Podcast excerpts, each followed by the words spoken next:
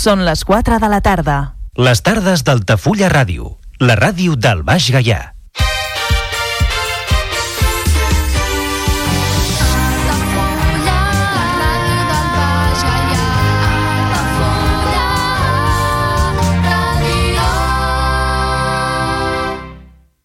Altafulla Ràdio. Serveis informatius.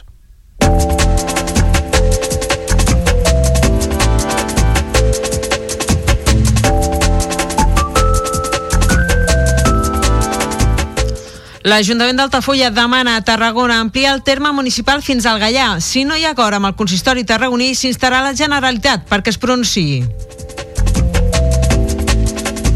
Les colles de Carnaval i l'Ajuntament d'Altafulla ultimen els preparatius per les celebracions de, de la setmana que ve. Cinc carrosses i tres comparses participaran a les diferents activitats programades, destacant la rua de dissabte i les de diumenge, amb un dinat de germanor com a novetat. Altafulla tindrà senyalització vial específica per persones amb trastorn de l'espectre autista. Amb aquesta iniciativa es vol afavorir l'autonomia d'aquest col·lectiu i facilitar la seva comprensió de l'entorn. L'Altafulla celebra 12 anys portant als escenaris d'Altafulla propostes variades i amb músiques de prestigi. Aquest dissabte a la Vileta els encarregats de posar la cirereta al pastís seran el quartet Pérez, Arnedo i Los Fumero. A Torredembarra s'impulsa una nova edició de l'Escola de Famílies. La iniciativa s'emmarca en el Pla Educatiu d'Entorn i proposa diferents xerrades i tallers gratuïts sobre qüestions d'interès a l'educació dels menors. I es recullen 11.500 quilos de roba usada a Creixell durant tot l'any 2023. La vila col·labora amb la cooperativa Roba Amiga, que en total en aquestes recollides a tot el país assegura haver evitat l'emissió de 348.000 tones de CO2. En matèria de sequera, el govern decreta l'emergència als 202 municipis del sistema Ter Llobregat. La dotació redueix a 200 litres d'aigua per habitant i dia i s'endureixen les restriccions als usos industrials i agrícoles. I en esports us destaquem la prèvia del Centre Esports Altafulla contra la Unió Esportiva Valls B, que són conscients doncs, els altafollencs del Parany per seguir sumant victòries al Joan Pijuan. Els altafollencs busquen fer bo el punt obtingut a Vallmoi davant d'un rival que suma 5 derrotes seguides i està a les portes del descens.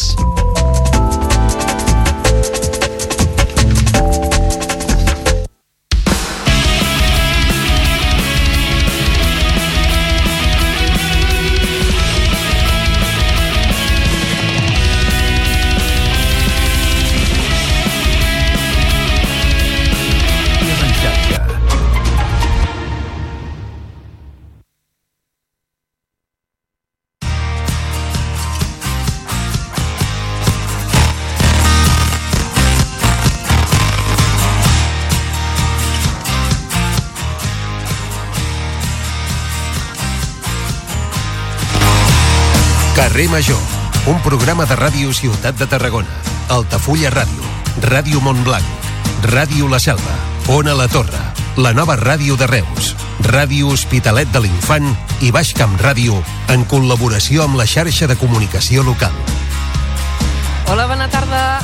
Benvinguts un dia més i avui és divendres al carrer Major, el programa de les ràdios del Camp de Tarragona que us acompanyem cada jornada de 4 a 6, l'hora de la migdiada i postmigdiada i avui, mira, si sou usuaris de trens, igual us interessa aquesta notícia.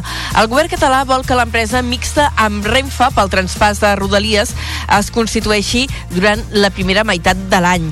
És l'objectiu que han manifestat avui la consellera de Territori, Esther Capella, i la de Presidència, Laura Vilagrà abans de començar la primera jornada de treball pel traspàs integral de Rodalies que es feia al Palau de Pedralbes.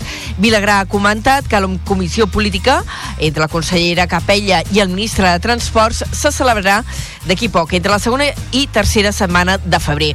Una trobada que hauria de servir ja per crear comissions tècniques per abordar qüestions específiques com l'encaix jurídic de com funcionaria aquesta nova empresa ferroviària o el finançament. Una altra notícia destacada, aquesta amb efectes pràctics pels que teniu canalla. El Consell Escolar ha plantejat a la consellera d'Educació, Anna Simó, que el curs vinent comenci després de 5 dies laborables per preparar-lo. Una proposta que es va formular ahir en una reunió a la tarda. Els membres d'un grup de treball del Consell Escolar eh, han plantejat que necessiten 5 dies per poder eh, preparar bé les classes abans de que comencin. Si això es fes efectiu eh, i els professors tornen a la feina el 2 de setembre, sumant aquests 5 dies, la data d'inici de curs seria el 9 de setembre. De moment, eh, la conselleria ha agafat el missatge, però encara no s'ha pronunciat. I en política, avui recollim les paraules de la consellera exterior, Meritxell Serret, que ha sortit al pas del cas Volhov, sobre els suposats vincles del govern de Puigdemont amb Rússia per desmarcar-se'n.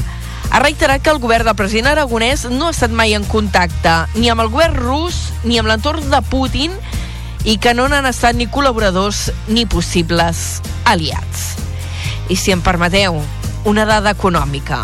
L'altre dia dèiem el que havia guanyat el BBVA, i era molt. Doncs avui hem sabut el que ha guanyat el darrer any Caixa, CaixaBank.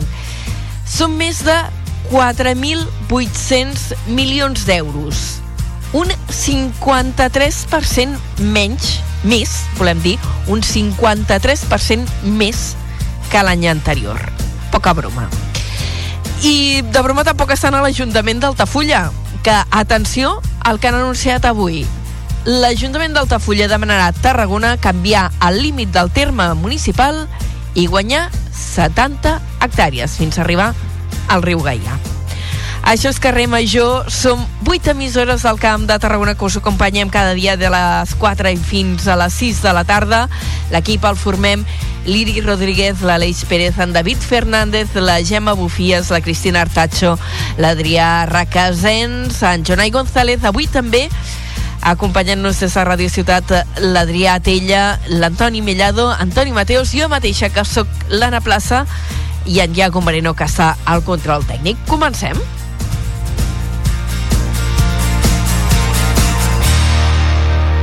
El valor del camp de Tarragona. Carrer Major.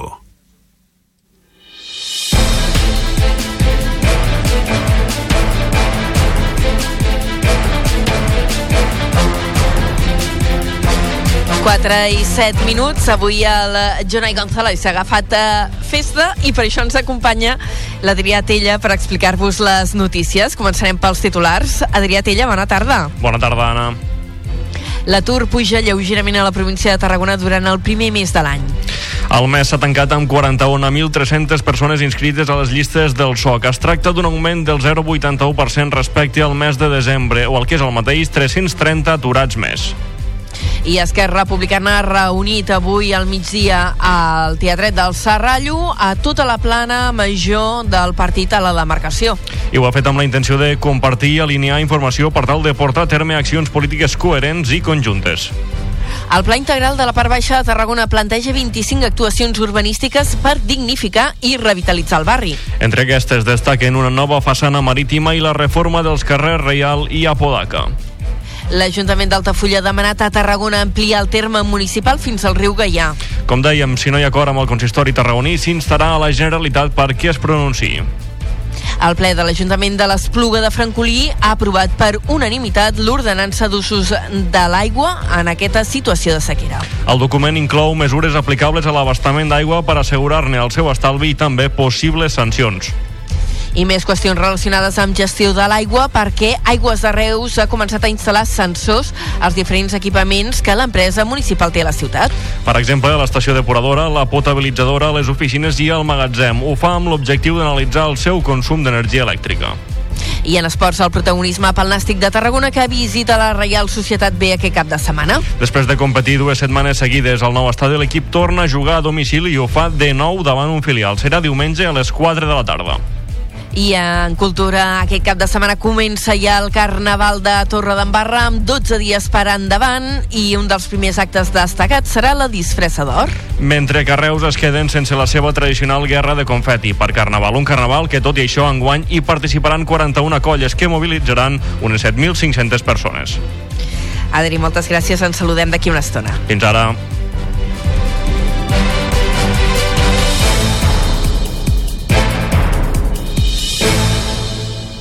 Carrer Major. Toni Mateos.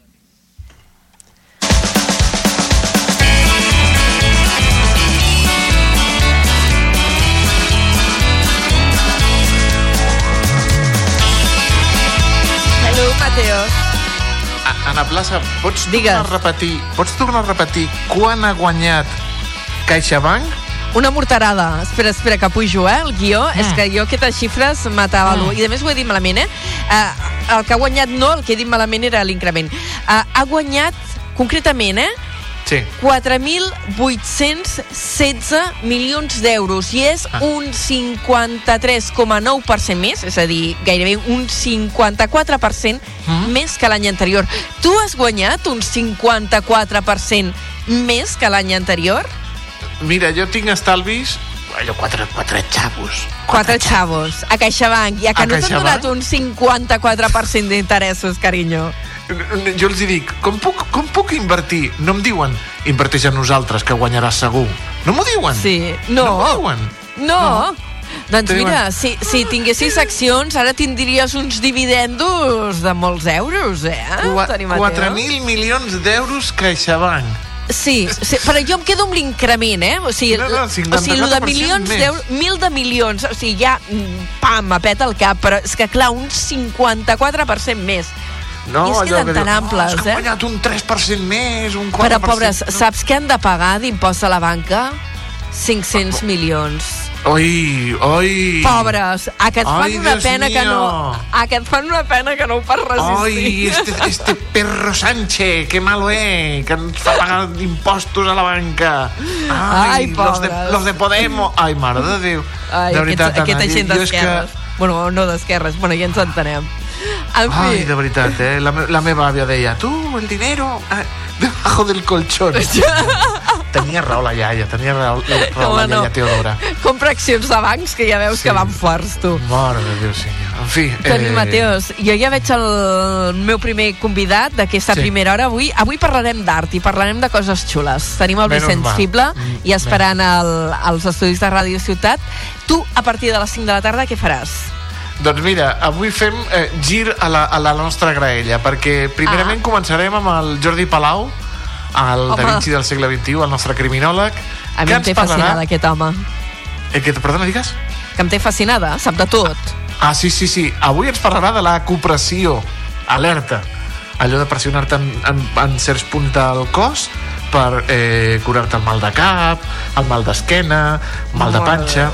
Després als Tonis us parlarem del Benidorm Fest. All right. Home, ja em vaig escoltar la cançó, eh? La de Zorra? La de Zorra. I he de dir que em va agradar molt. Molt bé, molt bé. Doncs escoltarem Zorra, escoltarem a Més Cafeïna, a la Maria Pelae, a, bueno, a tots els classificats per la gran final de demà. Escolta, Després- la Glòria Coll s'ha classificat... Ai, la Glòria, com es diu aquesta noia? La Eh, sí, Sofia Coll. Sí, sí, que, està- va, està que, va, que era una de les finalistes d'Eufòria, també. Correcte, doncs la Sofia està classificada. Després parlarem amb el Víctor Parrado, ell és humorista, i demà dissabte porta al. Palau de Congressos de Tarragona el seu espectacle Buen Rollistes. Molt bé. Ens vindrà a parlar de bon rotllo el Víctor Parrado, banda sonora del Camp de Tarragona, i avui anirem fins a Valls amb la furgoneta per parlar amb el Vall de la Moixiganga. Mira, Ah, home, clar, avui dia de la Candela. Mira, Sí, sí, ara. fa sol, eh? Això vol dir... la si candela, la pla... quan la candela era plora, eh, l'hivern es fora. És fora. I si, si la riu, candelera riu, l'hivern és, l'hivern és di- dins. o És viu, és viu. És viu, és viu, perdona. Sí, teòricament ara ens hauríem d'estar pelant de fred d'aquí quatre dies, no sé jo. Pues no ho sé, perquè també parlarem de la marmota fil i... Ah, molt bé. que, Per que s'acaba l'hivern. He vist el Twitter de TV3, no he tingut temps d'escoltar-me'l, però un vídeo amb Francesc Mauri i un altre dels homes de temps, que ara no recordo qui és, fent la guerra entre la marmota fil i la candelera, que després intentaré recuperar-lo. pues mira, un diu una cosa i l'altre diu l'altra. Toni, tot això a partir de les 5. Sí, senyora. Fins ara. fins ara, Anna. Una abraçada. Adeu. Carrer Major, al Camp de Tarragona, des de ben a prop.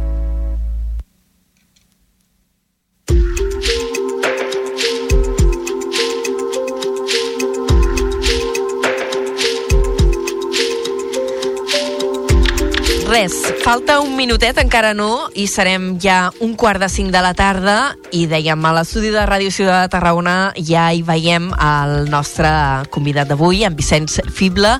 Ell és el director del Mèdul Centre d'Arts Contemporànies de Tarragona que acaben de presentar temporada, acaben de presentar la programació per aquest 2024. Uh, Vicenç, bona tarda, benvingut. Bona tarda.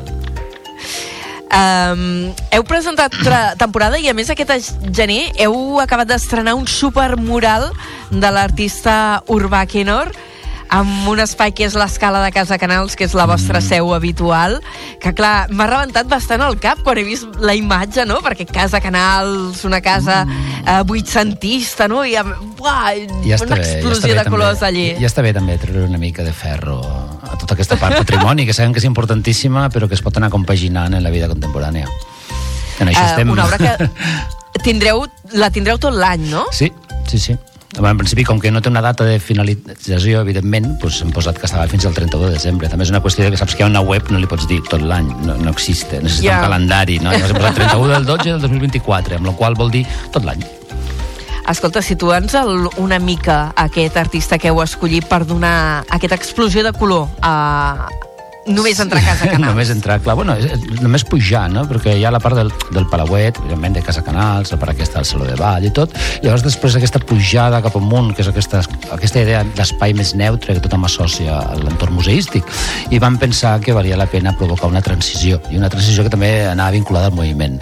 Aquest no és un artista de murals urbà que pinta, bueno, ja ho has vist, és una meravella. Sí. Té moltíssima relació també amb la part aquesta de l'abstracció, de la música, de l'electrònica, de l'electrònica aïllacionista, com coses molt, molt fetes de- de- de- d'arestes i de línies rectes i tal, i vam pensar que era una molt bona opció per inspirar-se en, la, en la part cromàtica del Palauet, no?, de baix, i, i provocar com aquesta, aquesta, aquesta intersecció, no?, del fet de moure't entre la part patrimonial i la segona capa, que és la nostra, la, la de les arts contemporànies. Home, he de dir que sensació de moviment en dona, no? Mm. Perquè fins i tot un cert vertigen. Bueno, vertigen, això ja seria greu, eh? Però sort que li hem posat més llums, eh? Hem Però posat... jo tinc vertigen. Jo, a les Val, escales ah. de Casa Canals, miro avall i m'agafa de tot, Sí? també t'ho he de dir. pues mira que baix les rajoles són com quadrades, clar, allò et, te pot provocar una mica de mareig i, i no, no, no, no, això no, eh? No, no, però eh, això, no? Un esclat de color, no? Com, mm. com una provocació. Uh, teniu aquesta instal·lació que, que ja està, que mm. la vau presentar uh, aquest mes de gener, però la programació per tota la temporada del 2024 és molt més àmplia, inclou dues exposicions entre les grans i les intervencions més petites eh, que poseu al que heu anomenat Espai L, que és una de les sales de, del pis de dalt de, de Casa Canals, i a banda hi haurà una vintena d'activitats i exposicions. Això és moltíssima feina. Bueno, és feina, sí, sí, és moltíssima feina. Tens raó. De fet, avui parlàvem d'això. Uh, bueno, és que eh, des del principi, diguem-li, el Centre d'Arts Contemporànies clarament aposta per la part expositiva, no? que és allò que es queda fixe durant un temps, siguin quatre dies o dos mesos o un any, com en el cas de Kenner, o sigui, aquelles activitats que passen durant un dia o que es despleguen d'una altra manera en altres espais també de la ciutat. No? I això eh, provoca pues, que les golfes de Casa Canals, que és l'espai principal, acull cinc de les exposicions que estaran allà durant tot l'any, però al mateix temps hi ha aquestes altres exposicions que passen a fora. La principal serà aquesta exposició de quatre dies, que de fet és un format festival que just va al mateix temps que el Dixieland, del 25 al 28 d'abril. En un format Avui instal·latiu presentava, eh, expositiu. també, el- A veure, el dic. Dixieland avui és- sí, sí, que, que va, va al mateix temps, de manera que eh, una de les naus, bueno, una nau i mitja, diguem de tabacalera, que allò és enorme, uh, un espai abandonat preciós, acollirà aquestes instal·lacions lumíniques de gran format, que és una cosa que evidentment no cap a, a. Casa Canals, clar. De fet, l'espai de la tabacalera ja l'havíeu utilitzat eh, l'any passat i ara torneu? O serà el mateix espai o com... No, com... és, és un altre espai. Aquella vegada va ser el mòdul 6, que és un dels sis mòduls el que està a la part tocant més amunt, diguem-li, a part central. Els magatzems, eh? De la part Sí, sí, de darrere que dona de. Vidal i Barraquer. Sí, uh, l'últim mòdul és el que acollia uh, la instal·lació de Cabo Sant Roque, que estava visitable durant quatre caps de setmana, i ara, en canvi, és, és que no t'ho sé dir, són unes naus just darrere de la, del mòdul 1, diguem-li. Entre el mòdul 1 Val. i les naus de darrere s'entra per allà. És una entrada lateral que habilitarem i que dona accés a una nau i mitja. És com una T que hem triat, perquè és que allò està tot comunicat, allí és enorme, no? Llavors hem és també seleccionat una possibilitat part. de... És, anava a dir, és la possibilitat de descobrir també un nou espai, no? És que és un nou espai, crec que cada vegada que entres. perquè cada vegada... Pa- Sí, sí, sí, és així. Vull dir, transmet aquesta decadència que, evidentment, per una banda, penses, ostres, aquí podrien passar moltes coses, al mateix temps també ets realista de que les coses costarien molt de fer allà no? I, i per tant necessiten com d'un plan, una estratègia i, i, i el que fem és des de Medal anar fent aquelles coses eh, temporals que es poden anar, que es poden anar fent al mateix temps De fet, històricament a Tarragona hi havia hagut la reivindicació que, que un dels espais, una d'aquestes naus posteriors magatzems de la tabacalera, esdevingués la seu del centre d'art. el mòdul 6, precisament, que és el que van El fer, lo de, 6. lo de Cabo San Roque. Però ara, ara sí que pensàvem, bueno, bàsicament és que no hi cabien, no? Són, com, són sis instal·lacions, tres són bastant grans i necessitaven poder respirar i moure't entre, entre diversos, entre elles mateixes, no? I això demanava una, una, part, una nau, diguem-li, que, que donava més joc. El títol d'aquesta exposició que hi haurà a la tabacalera, ja ens dit, el mes d'abril, eh, Digital After All, és una mostra col·lectiva i dius que només hi serà quatre dies. Sí. Sí, sí, sí, Serà és un format... això. Bueno, de fet, de fet, ahir s'inaugurava a Barcelona, el Barcelona Llum Poble Nou, que són quatre dies d'instal·lacions lumíniques a l'espai públic. És diferent, evidentment, i molt més gran, no cal que us ho digui, Sí. però, però és un format, és que no pot estar més, més dies, són peces molt grans en un espai que, que no té electricitat. Sigui, Ja. pos, la posarem, és a dir, evidentment... val una pasta, eh, m'estàs dient sí, molt això, bé. que val molts diners. molt val. Val molts diners. El tema és allò de, seguretat... diners, quatre dies... Clar, eh, seguretat, accés, tot, no? És una cosa que està molt controlada, es podrà entrar, evidentment, a visitar-ho, eh, i llavors fora sí que hi ha un espai comú a l'aire lliure que allí serà una mica més obert, però hem de jugar amb les limitacions que tenim, i això és una cosa que des del Centre d'Arts fem sempre, no? És com treballar amb allò que es pot i fer de la necessitat virtut, d'alguna manera. Ja que, no, ja que no tenim un espai museístic enorme, un cub blanc, no sé, que al final són més avorrits, pues estem pensant en coses que poden anar als llocs. Mm. Doncs tenim aquesta intervenció que fareu a la tabacalera el mes d'abril, però és que a més quan vau presentar la, la programació també vau anunciar que una de les vostres exposicions es situaria en un altre espai buit, històric, abandonat. Aneu recuperant, eh? Viva Aneu los traient retos, runa de eh? llocs. Viva los retos. L'antic Banc d'Espanya i a la tabacalera sí que s'hi han anat a poc a poc fent coses, però el Banc d'Espanya mm, jo no hi he entrat mai. No? Pues ja No. està, apunta't al mes de maig, tindrem l'exposició Doncs, d'Estela de maig. Castro. Sí, sí. Estela de Castro, de fet, farem doblete. Al, a les golfes Sí, ja es, presentarà, es presentarà The Animals, que és una exposició preciosa, formada per 122, 122 fotografies d'animals uh, abandonats és que realment és colpidor. I al, al Banc d'Espanya al maig presentarem Socosis, que és un altre tipus de fotografies en blanc i negre, molt més obertes, molt més generals, que parla d'este síndrome que pateixen els animals quan estan tancats en un espai, que tots els veiem i dèiem, mira que feliç, però si pot córrer per aquí. Bueno, no ja, és que igual corria molt més encara que això, no? Uh, és un síndrome que, que ve d'aquesta situació que provoca apatia, evidentment, estrès i altres coses. I també és una col·lecció de fotografies de l'Estrella de Castro que hem pensat que el Banc d'Espanya era, era el seu lloc. Però el Banc d'Espanya només la part que era accessible al públic. Això és important. O sigui, estem parlant d'allà on també podies entrar... vestíbul. Sí, del vestíbul. És a dir, allí on... Bueno, si havies d'anar a posar diners Hi ha- o treure diners... Hi havia no les sé. finestretes, no? Sí, sí, Entenc, sí. Hi havia les finestretes. Pues, ah, però és molt gran, allò. És preciós, eh? amb aquella vidriera que té a dalt i tot. Uh, I està molt castigat o què? Perquè, clar, jo porta molts anys tancat. No sé si haureu de fer molta neteja, molta intervenció. neteja o ja us va bé que hi hagi... Bueno, neteja una mica, no? Però... No. Que tingui aquest aire una mica decadent. És, és similar a, a, la idea tabacalera, també, és fer servir els espais depenent de les possibilitats i limitar allò que no es pot fer. Hi ha unes parts de, del Banc d'Espanya que no es pot entrar, no es pot entrar doncs per què? perquè estan en un procés de fer alguna cosa amb allò, hi ha forats al terra, eh, pots caure, poden passar coses, no? I per tant, oh, Dios. es delimita, no, no, es delimita i aquelles, de fet a Tabacalera ja s'han fet propostes d'endança en llocs també sí. controlats, no? Vull dir, és aquesta idea, no podem esperar a tenir espais perfectes acabats. Arribaríem al 2128 i encara, i encara no estaria. No, no, no, hem d'anar pensant en el que tenim, no? I el que tenim, pensant quin tipus de propostes funcionen allà o provocar-les, crear-les expressament. Mm. Parlem una mica d'aquest artista que a més li heu programat una doble proposta i la primera és aquesta exposició Animals, que serà la primera que estrenareu en guany eh, pel que he vist al calendari a Casa Canals, eh, que estrenareu l'1 de març, d'aquí uh mhm. -huh. un meset. Sí. Eh, I després hi ha aquesta altra exposició a l'Antic Bac d'Espanya. Qui és Estela de Castro? Estela de Castro és una fotògrafa i es va fer molt coneguda ara no et sé dir l'any exactament, però quan va ser l'encarregada de fer els retrats oficials dels reis d'Espanya la qual això va provocar una persona que ve d'un altre background totalment i que quan veus la expo ho entens, no?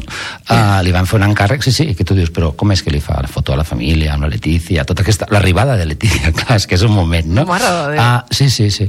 I, I a partir d'aquell moment, diguem evidentment, és com això provoca com un decalaix, no? Tipo, aquesta pulsió artística és compatible amb això altre? Pues sí, jo crec que sí, no? Sempre ho ha sigut. O sigui, de fet, les grans pintures...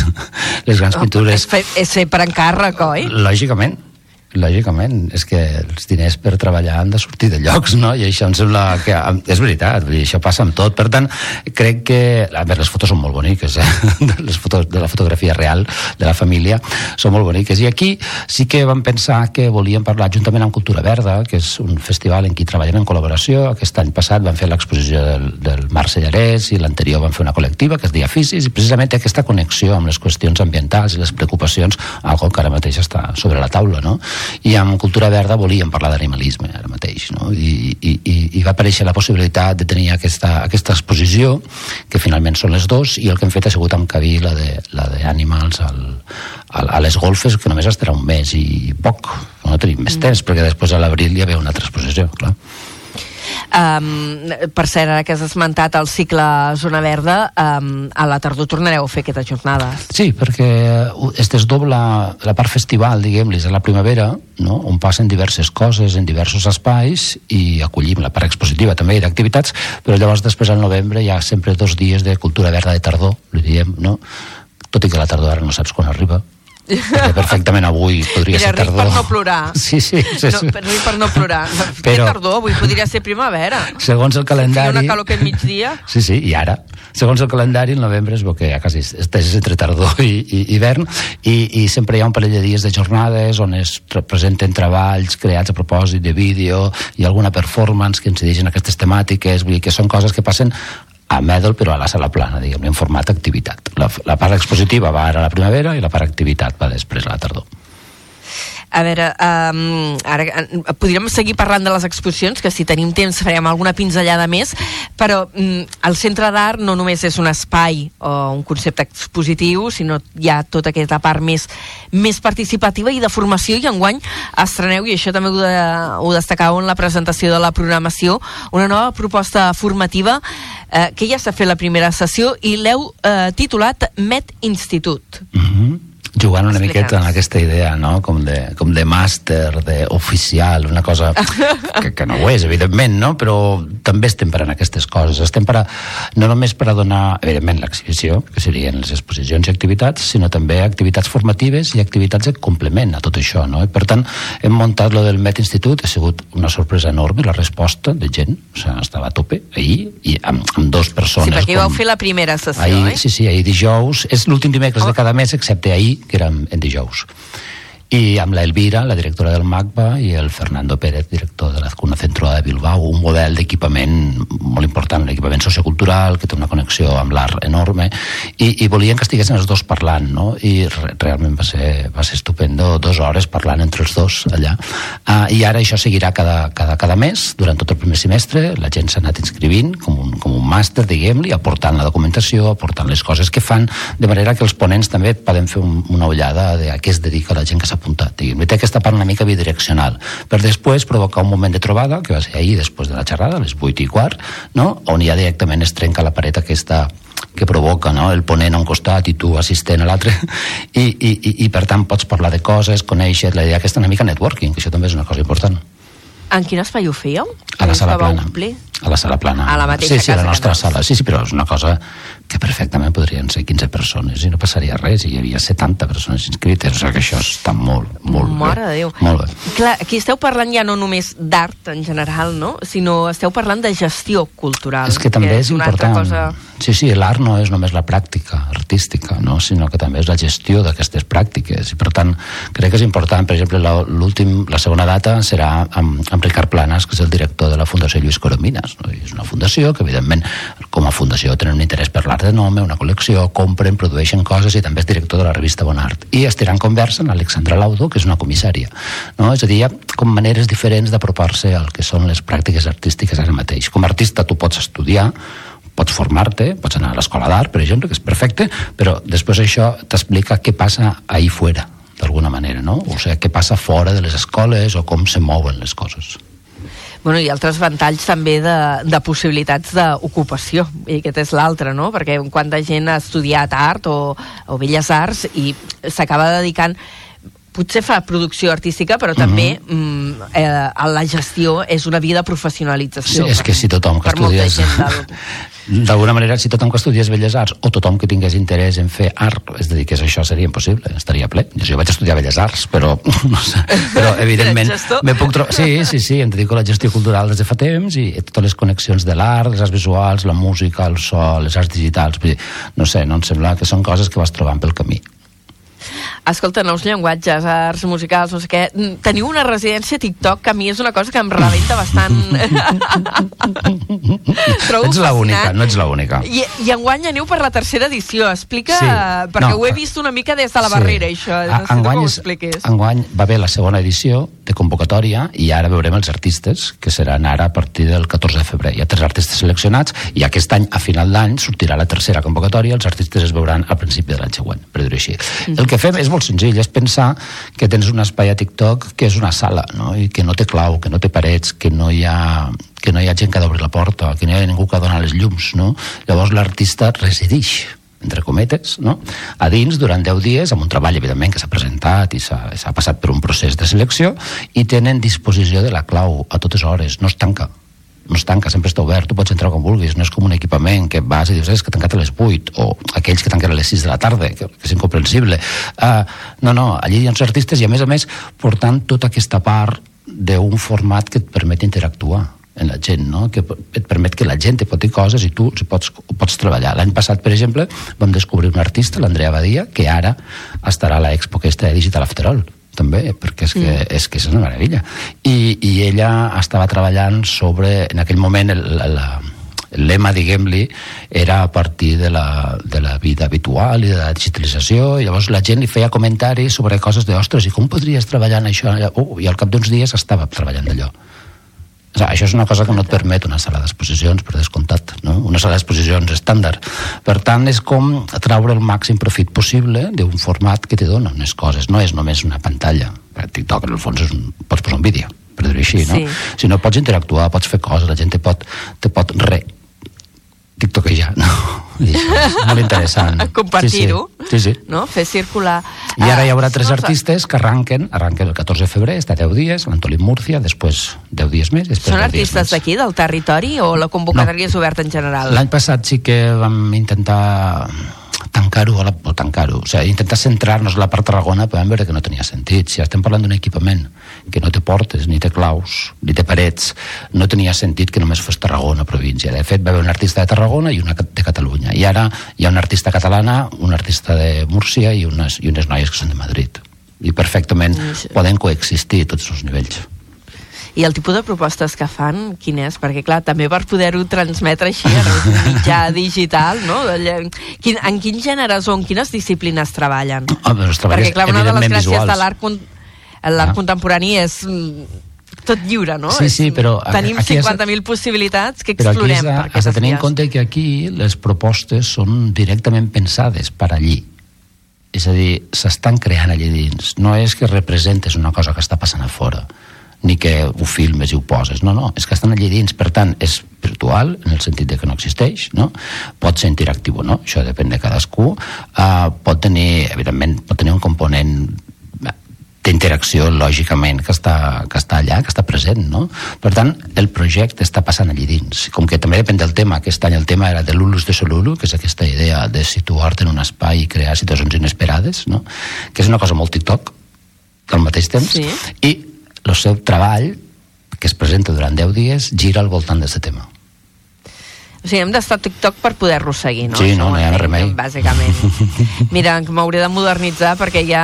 Sí, no arribo. A, amb tantes xarxes socials dic... mm, No, a TikTok encara no... no però ho pots posat. considerar com una cosa que, per a veure una cosa concreta i després mm, ja t'oblides, eh? Vull dir, igualment Adiós. que quan vas a un teatre vas només un dia, no vas cada dia. Uh, per què vau triar TikTok i no, per exemple, Instagram, que també potser hagués sigut un altre canal que us hagués donat joc? Perquè TikTok en aquell moment, ai, perquè Instagram en aquell moment no tenia aquestes prestacions de TikTok, ara sí, perquè ja, Ja. saps que tot se copia. Però sí. aquesta idea més ràpida, que és veritat que TikTok... Més d'interacció, potser, també? Més interacció a la força, perquè TikTok està construït sobre això i també té un poder l'algoritme que allò és brutal, eh? també hi ha un moment que és que està desconnectat la força perquè és que no para de suggerir-te coses que ja sap per tu està decidint Mare per de tu, això és molt fort. Ja, ja, però això és quan a suggerències, diguem-ne no? però l'altre és quan a treball, o sigui, a Instagram ara, evidentment, i els Reels hi ha, hi ha moltes més coses que estan allà, però no hi havia en aquell moment aquesta, aquesta funció, i l'altre és perquè el públic al qual anava destinat i els artistes joves en qui volíem treballar estaven allí. Estaven allí o era molt més probable que estiguessin allí. Es tracta de gent jove, aquests uh, tiktokers que tindreu un guany en residència? el que, perdona? Si són gent jove, aquests tres artistes que heu És que, és seleccionat. que, és que no, no, sí. Bueno, és que, és que és per defecte, diria jo. per de, sí, sí, per defecte, clar. És que estem parlant de gent que té entre 20 i 24 anys, o 25. Ma. Bueno, doncs noves propostes de descobrir i mm, de la programació, i no ens podrem allargar gaire més, però hi ha un parell de coses que, que m'han cridat molt l'atenció també, eh, que són intervencions col·laboratives que fareu eh, la part alta, i em sembla que també en teniu prevista alguna al Serrallo, Uh -huh. i m'agradaria que ho expliqués. Sí, sí, aquí tenim un projecte de Jaume Vidal, que és un artista en postí, que també està en la frontera entre, entre l'artista i, el, i la figura de la mediació. O sigui, gent que mm. treballa en projectes sempre en altra gent, no? i sempre liant d'alguna manera i col·laborant en altra gent a través de processos participatius i de col·locar-los no? i de fer coses amb ells.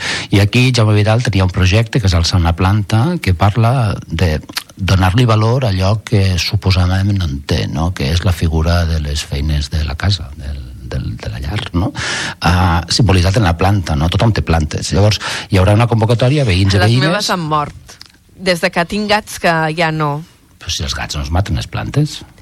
Ui, serà els teus. Bueno, teus. poden, poden escarbar i arrencar una mica, això sí. Sí, sí, no, no, ja, adeu aquí, plantes. Aquí necessiteu una figura de mediació perquè és que no pot Ah, ser, heu de, heu de coexistir, o sigui, tu i els gats i les plantes heu de coexistir tots al mateix espai pues la, figura, la figura de Jaume Vidal diguem el que fa és treballar d'això, no? proposar coses i posar-los, intentar posar-los a nivell de la plusvàlua de les obres d'art, que és una cosa complicadíssima, i buscar al mateix temps un espai on totes aquestes plantes puguin ser observades des de fora i les situa en un, marc, en un marc artístic. I això és una cosa molt curiosa, perquè si a Medel no tenim, ho dèiem abans, eh, tenim un espai que fem servir, que és les golfes, però després hi ha propostes que passen a fora. La idea és que sigui al voltant del Dia dels Museus, la nit dels museus, que és 18 de maig, El mes de maig? precisament amb aquesta idea, no? És que no som un museu, però és que damunt som un centre d'arts, però és que damunt serà a fora, ja directament, no? totalment a fora. És igual, si fem una cosa en una plaça i en aquella plaça hi ha una proposta artística, allò és un espai del centre d'arts, aquell dia, eh? Aquell dia, en aquelles hores.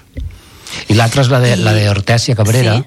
que vam fer l'Extinció Fest a principis del 2022, un, un, un projecte expositiu, però que estava creat a partir de l'Associació d'Autistes de Tarragona, Ah, ella mateixa ho és, i, i neurodivergència, i llavors ara hem plantejat fer una extensió FAST, que és només una cosa molt curteta, com un spin-off de l'extensió FEST, no?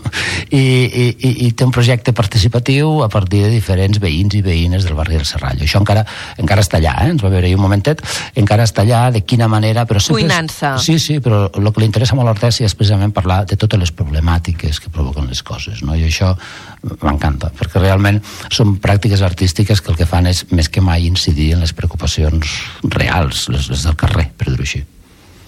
Doncs ben oberta, a més tornareu a, com, a conviure o a col·laborar eh, amb l'ESCAN i he vist que enceteu, eh, jo diria que això és nou, corregeix-me si m'equivoco, una col·laboració amb l'aula de cinema de la URB?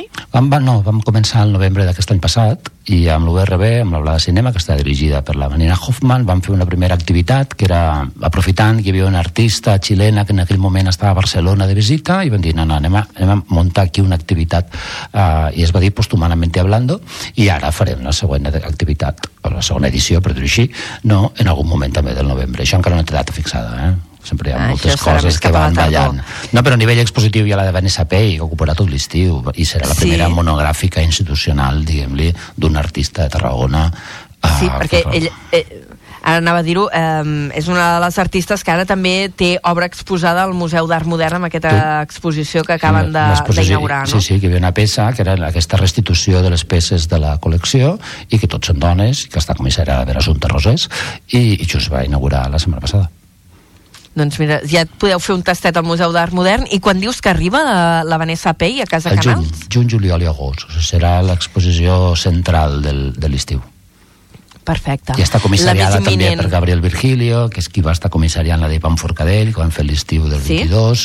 Vull dir que hi ha una sèrie de coses allà i uns interessos, perquè són, són amigues, a més a més, no? Vull dir que tenim... No, no, hi ha, que hi ha com un, un creuament Home, de ha... coses, no? I això molt interessant. Suposo que un dels objectius del, del centre d'art a, la zona del Camp de Tarragona tenim el Mèdul, a baix a l'Ebre i al pati és també crear mm, aquests enllaços, no? Allò propiciar Lògic. aquestes trobades i que la gent es coneixi. Sí, sí, i de fet, lo del Met Institut mm, mm, ahir, arrencava ahir i està provocant això, està provocant que de cop i volta un artista de, ahir estava parlant amb una persona que ha vingut expressament d'un poble una hora d'aquí, de Piera, amb un gestor que està... no sé, tot això que són coses invisibles, eh? això no, no genera notícia, diguem-li, però en canvi això genera caldo de cultiu, no? i això és molt important. Sí, i del caldo de cultiu surten coses. Però doncs, uh, Vicenç, moltíssimes gràcies per haver vingut avui a, a Carrer Major, uh, per haver-nos parlat de les propostes que arribaran en guany a través del Mèdul Centre d'Arts Contemporànies. N'anirem parlant a mesura que vagin passant, i la primera cita, aquesta exposició Animals, uh, que s'inaugura l'1 de març a, a La primera és d'aquí 15 dies és, eh? és una altra cosa ja, perquè clar, com això nunca para... Eh... Ai, ah, espera't, no, no, no, que, no. Ah, no, és una no. de les de l'Espai L. Espai L, sí, però a més a més és que serà un dia, el 16 de febrer, presentem l'exposició sí. de petit format d'Aura Roig, que és a l'Espai L, sí. i hi haurà també la, la projecció d'una peça de videocreació d'un artista de Tarragona, també jove, que es diu Álvaro Romero, uh, i després hi ha una actuació de la francesa, i la francesa és una artista musical uh, de Barcelona impressionant, i tot això serà en aquell moment entre l'Espai L i la Sala Plana. Doncs va, primera cita a l'agenda, 16 de febrer. Vicenç, moltíssimes gràcies per haver vingut avui al programa. Gràcies a vosaltres. Fins ara. Adéu. Carrer Major, al Camp de Tarragona, des de ben a prop.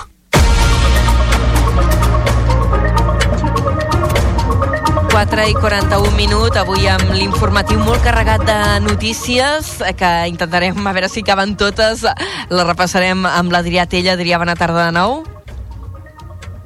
Espereu que a, ràdio, a l'estudi de Ràdio Ciutat de Tarragona hem de fer canvi de cadires. És veritat que no me'n recordo mai quan tenim convidat a l'estudi de Ràdio Ciutat de Tarragona hi ha d'haver aquest canvi de cadires. Doncs comencem repassant dades econòmiques. L'atur ha pujat lleugerament a la província de Tarragona durant el primer mes de l'any. El mes s'ha tancat amb 41.300 persones inscrites a les llistes del SOC. Es tracta d'un augment petit del 0,8% respecte al mes de desembre o el que és el mateix. Hi ha 330 aturats més. En comparació amb el gener de l'any passat, eh, hi ha eh, menys aturats, són 1.200 menys a les llistes d'atur, el que representa un descens interanual del 3%.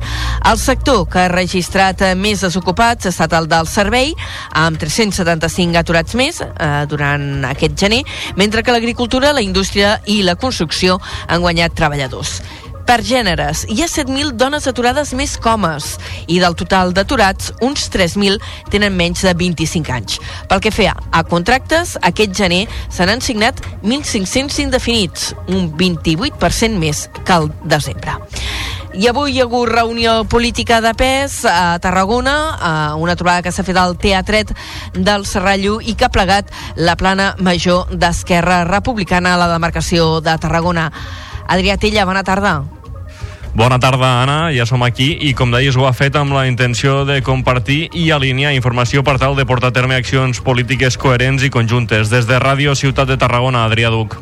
La trobada s'ha celebrat amb la intenció de compartir i alinear informació per tal de portar a terme accions polítiques coherents i conjuntes. La presidenta de la regional del Camp de Tarragona, Esther Alberic, ha parlat de la responsabilitat que suposa ser la força política amb més representació institucional al Camp de Tarragona i ha manifestat la intenció d'Esquerra de convertir-se en la veu autoritzada del territori. Eh, Des d'Esquerra Camp de Tarragona el que volem és constituir-nos com la veu autoritzada del territori perquè assumim aquesta responsabilitat i perquè, a més a més, en tenim el coneixement. El coneixement des de la governança, el coneixement des de la representativitat. En la trobada també s'ha fet referència als cinc grans temes que, segons els republicans, marquen l'agenda política del Camp de Tarragona. El projecte de l'àrea metropolitana i el tramvia del camp, la descarbonització de la indústria i la transformació verda, el Parc Natural de les Muntanyes de Prades i el progrés i desenvolupament de les comarques de l'interior, bastir una proposta complementària al turisme de masses i, per últim, la gestió de la sequera i del cicle integral de l'aigua. Moltes gràcies, eh, Adrià Duc, eh, per fer aquest apunt dels temes que s'han tractat en aquesta reunió avui d'Esquerra Republicana. I una altra qüestió eh, d'interès de les darreres hores és el Pla Integral de la Part Baixa de Tarragona, que es presentava ahir a la tarda i que recull 25 actuacions urbanístiques per dignificar i revitalitzar el barri.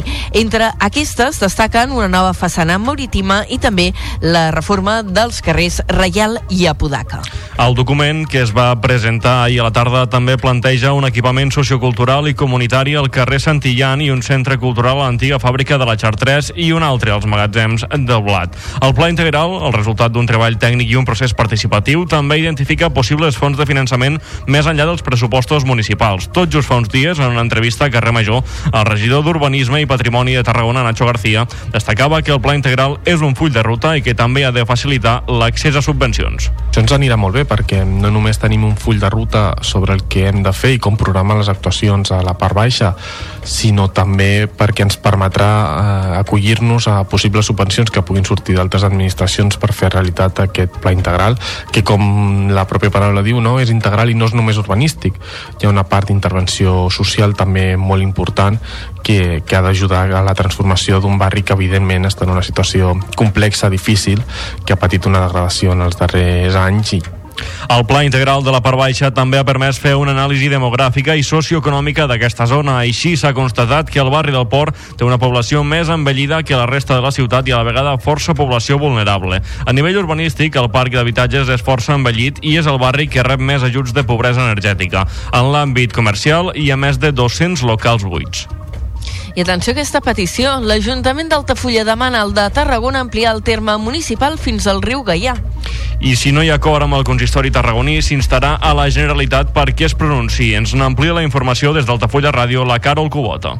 L'Ajuntament d'Altafulla vol fer oficial allò que en l'imaginari col·lectiu i a la pràctica és un fet, i és que es considera que des del Club Marítim o el Vinyet fins a la desembocadura del riu Gallà és terme altafullenc, tot i que actualment pertany a Tarragona. En aquí hi ha incongruències, com el fet que l'estació de trens d'Altafulla sigui Tarragona o que els veïns d'aquesta zona usin tots els serveis d'Altafulla, com el de la Brossa, i en facin vida sense tributari. Pel qual caldrà Jordi Molinera fer que el riu esdevingui la frontera natural és raonable i de justícia i permetrà millorar la gestió d'aquest territori allunyat del centre de la capital tarragonina. Que l'estació de tren d'Altafulla estigui intermunicipal de Tarragona no és normal. Que el bufet i la benzina d'Altafulla estigui intermunicipal de Tarragona no és normal. No? La, nostra proposta és que tota la, aquesta zona del Vinyet fins a la desembocadura del Gaià sigui terme municipal d'Altafulla. A ulls de la gent així ho és i Altafulla ha demostrat eh, els darrers anys eh, que té una implicació important en la gestió d'aquest territori. L'Ajuntament d'Altafulla traslladarà aquesta petició a Tarragona després d'aprovar-la pel ple. La capital tarragonina tindrà aleshores 60 dies per respondre-hi. Si no ho fa favorablement, la Generalitat decidirà si efectivament es redibuixen els límits d'ambdós termes. 4 i 47 minuts, entrem en crònica local eh, i parlem de gestió d'aigua perquè el ple de l'Ajuntament de l'Espluga de Francolí ha aprovat per unanimitat l'ordenança d'usos de l'aigua en situació de sequera. El document inclou mesures aplicables a l'abastament d'aigua per assegurar-ne l'estalvi. L'ordenança permet establir limitacions particulars, ja sigui regulant o prohibint l'ús de l'aigua en diferents contextos. També permet reduir percentualment el consum d'aigua, limitar les dotacions d'aigua per usos domèstics i no domèstics, reduir la pressió de la xarxa d'abastament en situacions temporals i també fer talls durant l'estat d'emergència. El document també inclou sancions d'entre 750 i 3.000 euros quan es cometin infraccions que vulneren les mesures i limitacions aplicades. D'altra banda, el consistori afirma que continua treballant per rebaixar la dependència dels camions cisterna a través de la connexió de nous pous, a més de la connexió del CAT, les obres dels quals es preveuen que comencin aquest mes de febrer i Aigües de Reus, per la seva banda, ha començat a instal·lar sensors als diferents equipaments que l'empresa municipal té a la ciutat, com l'estació depuradora, la potabilitzadora, les oficines i el magatzem. Ho fa amb l'objectiu d'analitzar el seu consum d'energia elèctrica. La recollida d'aquestes dades permetrà localitzar i identificar amb precisió les àrees i els moments en què s'utilitza més energia amb l'objectiu final d'introduir millores en la gestió, l'eficiència i l'estalvi. Des d'Aigües de Reus han apuntat que aquest canvi afavorirà la transició cap a un nou model energètic i millorant l'eficiència referència als costos relacionats amb l'energia i també l'emissió de gasos d'efecte hivernacle. El Port de Tarragona ha instal·lat dos nous equips fixos per netejar l'aigua superficial que s'anomenen skimmers. Aquests equips s'han instal·lat a la dàrsena del moll de costa i tenen 3 metres d'ample, un i mig de llargada i dos d'alçada. Aquestes dimensions doten el sistema d'un dipòsit de recollida de residus de 300 litres de capacitat i de la suficiència de bombar 30.000 litres d'aigua per hora. La gestió d'ambdós aparells anirà a càrrec del personal de la Marina Port Tarracó que rebrà una formació específica per part del fabricant dels equips. La comissaria dels Mossos d'Esquadra de Torre d'Embarra s'inaugurarà previsiblement entre els mesos de març i abril. D'aquesta manera es compliran amb els terminis previstos pel Departament d'Interior que situava la posada en marxa de la caserna en el primer semestre d'aquest 2024. Des d'on a la Torre, Josep Sánchez. L'alcalde de Torredembarra, Eduard Rovira, ha explicat que s'està acabant de concretar amb interior la data per la inauguració. No ha volgut avançar un dia concret en espera de que ho facin des del govern català, segons la disponibilitat del conseller Joan Ignasi Helena. Amb tot, sí que ha assegurat que serà entre els mesos de març i abril. De fet, ja està concretat, però no vull adelantar la data perquè sempre estem a disposició de que el conseller que vol venir a inaugurar-la pugui canviar-la. Però en principi, quan se faci oficial ja l'anunciarem, que hi ha una data per fer una inauguració. Les obres ja es troben en la seva recta final. De fet, s'ha recuperat el petit retard que s'havia acumulat amb els problemes que van sorgir a l'inici de l'obra amb el nivell freàtic. La caserna cobrirà tota l'àrea del Baix Gallà i comptarà aproximadament amb una cinquantena d'agents. Situem-nos ara a Reus, on el Centre Social del Roser ha donat menjar a més de 2.400 persones al llarg del de, primer any de funcionament, el 2023. Aquest servei municipal ha tancat el seu segon any de funcionament prescrivint més de 57.000 àpats. Des de la nova ràdio de Reus, David Fernández. De les 2.433 persones que s'han beneficiat del servei d'alimentació del Centre Social al Roser de Reus al llarg de 2023, unes 1.900 van ser prescrites al rebost social i prop de 530 en alguna de les modalitats del menjador social, ja sigui presencial, a domicili o per emportar-se el menjar a casa amb Carmanyola. A banda, el Centre Social al Roser també atén aquelles persones que Serveis Socials considera que necessiten ajuda alimentària. En aquest cas, les persones beneficiàries escullen aliments frescos i envasats en base a un sistema de punts gestionat per Serveis Socials. En total, al llarg de 2023, a Reus, un total de 6.100 persones van rebre ajuda alimentària.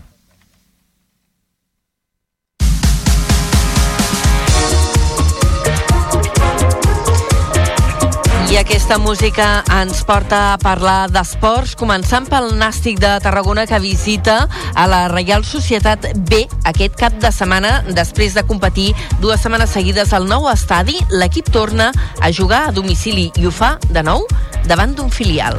En la darrera sortida va superar el del Celta i ara afronta un altre repte molt exigent davant un equip que després d'estar gairebé tota la temporada en play-off viu el seu pitjor moment encadenant sis jornades consecutives sense vèncer. Són les mateixes que acumula el Nàstic sense conèixer la derrota, cinc victòries i un empat. Tot i això, Dani Vidal, tècnic dels Grana, té molt clar que serà un partit molt complicat. La Real és un filial capaç d'adaptar-se a molts registres i ser sempre competitiu. Es capaz de jugar a diferentes registros de fútbol, es capaz de, de realizar un ataque combinativo y someterte, es capaz de, con un pase el portero, buscarte la profundidad de los delanteros constantemente están pendientes de, de buscar esa profundidad y de sprintar, es capaz de, de, defender y tener oficio, de hacer faltas en campo contrario cuando lo tienen que hacer y eso al final habla de, de un trabajo muy bueno de, de, cantera, de muchos años, están sacando jugadores para el primer equipo y nos exigirá nuestra mejor versión para, para, para afrontar el partido.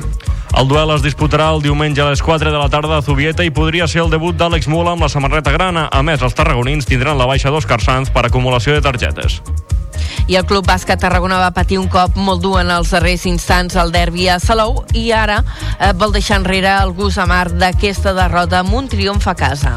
L'equip torna al Serrallo on s'ha fet fort les darreres setmanes per rebre el Gran Canària. Els de Jorge Serra encadenen quatre triomfs consecutius a casa i intentaran que aquesta dinàmica s'allargui, però no serà gens fàcil. El rival, que ocupa la zona mitjana de la taula, arriba amb una ratxa de tres victòries seguides i amb la moral pels núvols. Tot i això, el CBT sap que si vol continuar lluitant per assolir la permanència, els duels com a local són fonamentals. Ho deixa clar Serna, tècnic del CBT, i assegura que ja han oblidat el partit a Salou. No tenemos tiempo ni para lamentarnos, ni para quejarnos, ni para llorarnos, ¿no? Lo que tenemos que hacer es lamernos las heridas rápidamente y a pensar en el siguiente. Nosotros a, a quien sea, donde sea, como sea, eh, intentar dominar desde nuestro juego, desde nuestra defensa, de nuestro ritmo, que el otro día no pudimos hacerlo y, y yo creo que en, este caso el efecto Serrallo tiene que dar un, plus, ¿no? ¿no? No por el Serrallo, sino nosotros jugando en casa, nosotros jugando en casa con nuestra gente, en nuestro ambiente, pues tenemos que un poquito volver a nuestra esencia.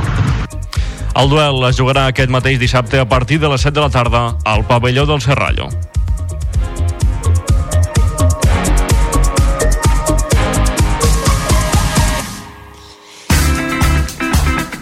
I l'actualitat cultural avui la centrem a parlar del Carnaval de Tarragona per començar, que comença avui mateix i que durarà 12 dies.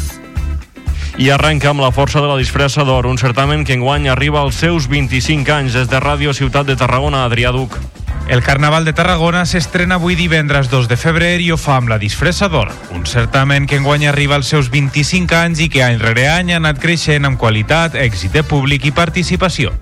En l'edició d'aquest any hi participen 13 comparses que optaran a 800 euros com a primer premi, que enguany passa a dir-se Premi Parc Central, i 500 euros els que quedin en segon lloc.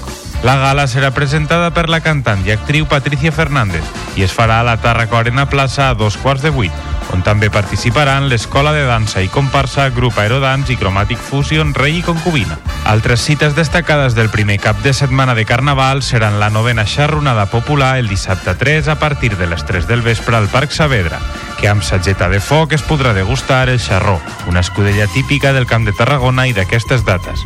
O també el concurs de dibuix organitzat per Mercats de Tarragona, que serà avui divendres. I acabarem amb uns apunts d'agenda recomanant-vos alguns dels actes més destacats eh, del camp de, del cap de setmana. Al Teatre Bartrina, avui, aquest vespre, a dos quarts de nou, s'estrena l'espectacle Nou retrat familiar de la companyia reusenca La Gata Borda, amb direcció i dramatúrgia de l'Ester Cor, un espectacle que també podreu veure demà al vespre al Teatre Bartrina.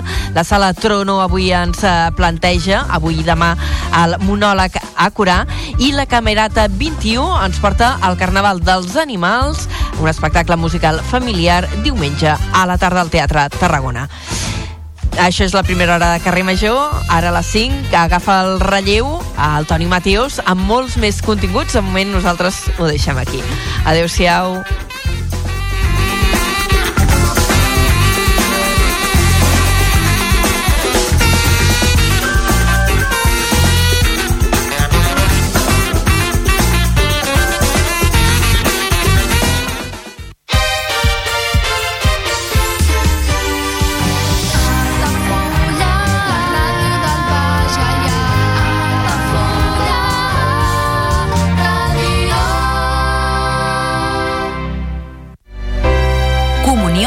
2024. Dates ja disponibles amb sales privades, jardí, pàrquing privat i la millor gastronomia. Més informació i reserves al 977 65 11 55 i a comercial arroba altafullamarotel.com o al web altafullamarotel.com. Les teves celebracions familiars a l'Altafulla Mar Hotel. Ja coneixes les propostes que t'ofereix el Club Marítim Altafulla? Vine i descobreix totes les nostres activitats. Sortides en caiac o pa del surf, cursos de vela per a totes les edats. No t'ho perdis. Club Marítim Altafulla. Obert tot l'any i per a tothom.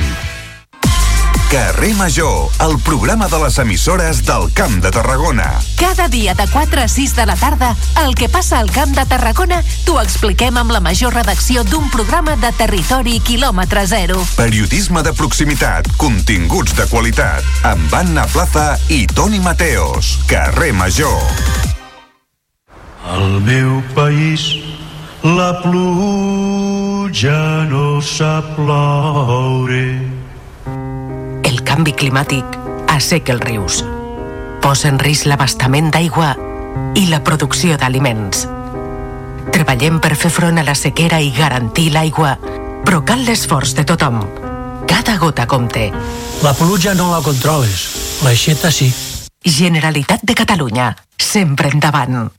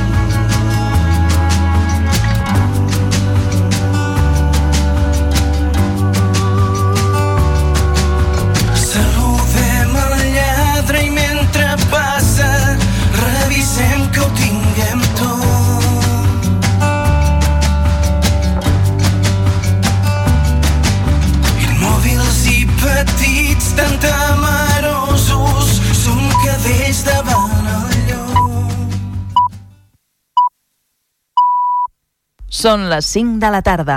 Les tardes d'Altafulla Ràdio, la ràdio del Baix Gaià.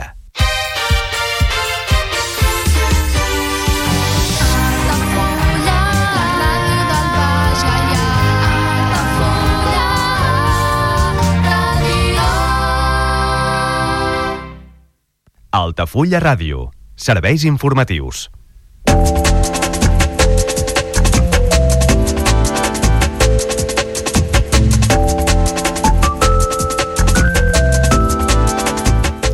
L'Ajuntament d'Altafulla demana a Tarragona ampliar el terme municipal fins al Gallà. Si no hi ha acord amb el consistori tarragoní, s'instarà la Generalitat perquè es pronunciï. Les colles de Carnaval i l'Ajuntament d'Altafulla ultimen els preparatius per les celebracions de, de la setmana que ve. Cinc carrosses i tres comparses participaran a les diferents activitats programades, destacant la rua de dissabte i les de diumenge, amb un dinat de germanor com a novetat.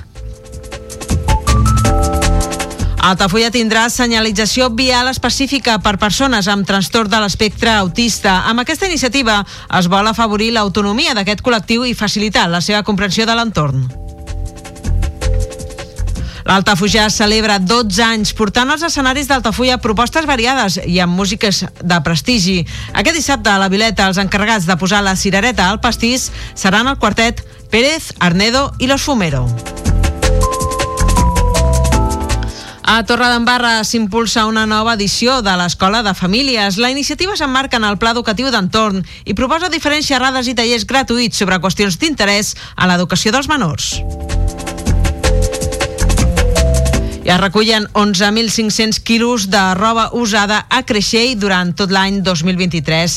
La vila col·labora amb la cooperativa Roba Amiga, que en total en aquestes recollides a tot el país assegura haver evitat l'emissió de 348.000 tones de CO2. I en matèria de sequera, el govern decreta l'emergència als 202 municipis del sistema Ter Llobregat. La dotació redueix a 200 litres d'aigua per habitant i dia i s'endureixen les restriccions als usos industrials i agrícoles. I en esports us destaquem la prèvia del Centre Esports Altafulla contra la Unió Esportiva Valls B, que són conscients doncs, els altafollencs del Parany per seguir sumant victòries al Joan Pijuan. Els altafollencs busquen fer bo el punt obtingut a Vallmoll davant d'un rival que suma 5 derrotes seguides i està a les portes del descens.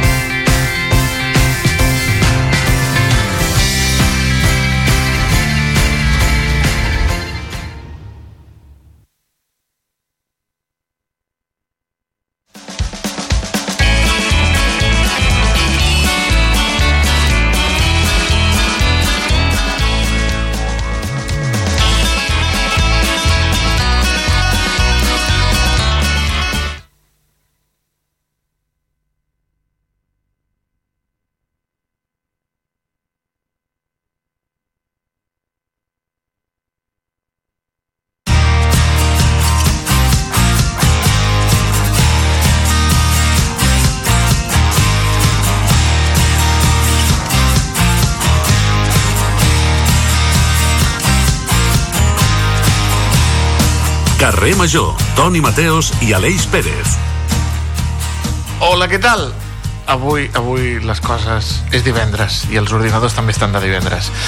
Aquest divendres, 2 de febrer, se celebra el Dia de la Marmota, conegut als Estats Units com el Groundhound Day, on molts han seguit aquesta tradició molt típica americana i no han perdut de vista a la cèlebre marmota Phil, que avui ha sortit del seu cau al poble de Punxsutawney, a Pensilvània, per una vegada més pronosticar quan serà el final de l'hivern.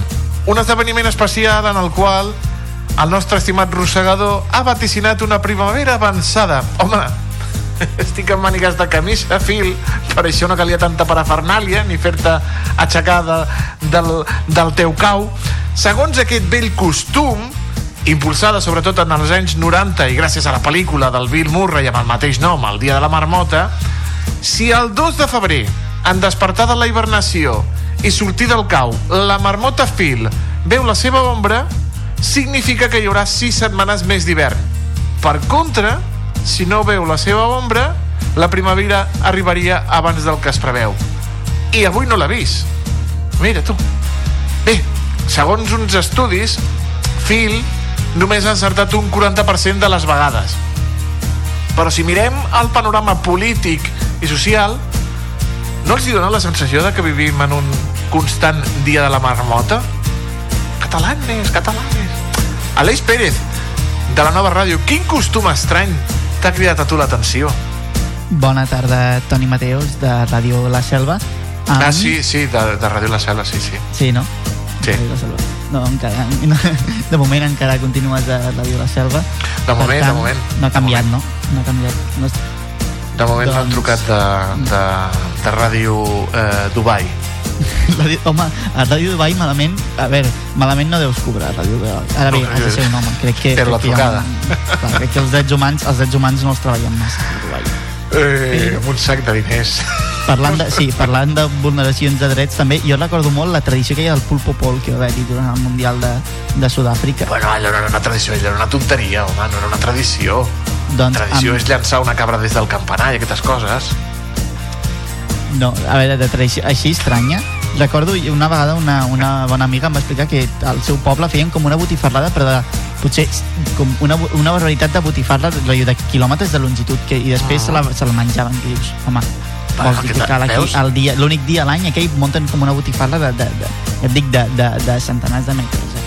Fantàstic, veus? Això és una bona tradició. Això és una bona tradició. Nosaltres intentem cada dia portar diferents continguts al programa per no, perquè la ràdio no sigui el dia de la marmota constant, ja ho saben. Eh, per fer les seves tardes de ràdio més entretingudes possibles, des de Ràdio Hospitalet de l'Infant, la nova ràdio de Reus, Ràdio La Selva del Camp, Ràdio Montblanc, Baix Camp Ràdio, Altafulla Ràdio, Ona la Torre i Ràdio Ciutat de Tarragona en col·laboració amb la xarxa de comunicació local. En Diego Moreno és el nostre tècnic, eh, però cada dia innova i fa coses noves. Avui ens ha ficat músiques diferents. I un servidor, Antoni Mateos, que els acompanya ben enganxats a la ràdio. Aquí cada dia és diferent, aquí cada dia és festa al carrer Major.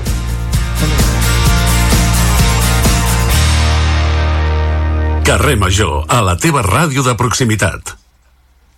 Tinc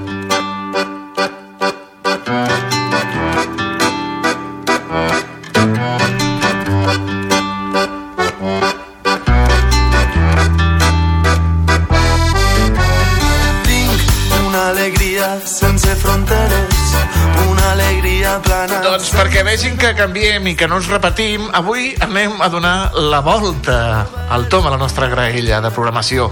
Comencem amb el nostre convidat dels divendres, el criminòleg, el Jordi Palau, el Da Vinci del segle XXI, 21, 28. Ja vaig molt avançat, Jordi. Bona tarda. 21, 21. Avui amb un tema interessantíssim que ens acompanya des dels estudis de Ràdio Ciutat de Tarragona. Jordi, bona tarda. Molt bona tarda. Segle XXVIII, segle XXVIII. Ja arribarem, ja. Arribarem? Vols dir que arribarem? Sí, sí, si ens morim abans ja arribarem. Avui ens vens a parlar de la. Què és això de l'acupressió, Jordi? Doncs és una cosa que es va descobrir fa uns 5.000 anys, però bueno, clar, tampoc no hi havia registres si era 5.000, si era 4.999 o 5.001. I eh, la medicina tradicional xina, eh, des de sempre, ha intentat eh, curar les persones sense químiques o d'altres maneres. Segurament ja també utilitzaven les plantes medicinals altres coses. Però una de les coses que, que fa molts anys que utilitzen ells és l'acupressió, que potser nosaltres estem més acostumats a l'acupuntura. Però l'acupuntura no és res més que l'acupressió quan hi claves unes agulles. La, bueno, el cos humà està dividit en uns 12 meridians. Ells entenen el cos humà diferent de nosaltres. Nosaltres, quan anem als metges, cadascú té un, un tractament, no? el traumatòleg, l'oftalmòleg, és a dir, ens separem, no? Cada, cada metge separa per una especialitat. Doncs ells entenen que el cos humà és algo completament conjunt, és a dir, si et fa mal la cama té algo a veure potser amb el, amb el pulmó, si et fa mal el pulmó potser té algo a veure amb el, amb el fetge, si et fa mal el fetge potser té algo a veure amb l'orina. Llavors, ells entenen que el cos humà està tot relacionat. I d'aquí ve que la compressió de vegades se col·lapsen les energies, el famós Qi, sabeu, heu sentit parlar del Tai Chi? Pues el Qi, sí. nosaltres l'hem traduït amb el Qi, però és el Qi, diguem que és una energia que volta per tot el cos tots hem notat l'energia, no? Quan ens aixequem al matí, un diumenge al matí, que estem eufòrics per anar amb moto, donar una volta, eh? tenim una energia. Però ells en diuen qui? Jo no, eh? Jo els diumenges del matí no, no estic eufòric, eh? eh? matí no, el dissabte de la nit. Tu més dissabte de la nit. Sí, sí, sí, sí.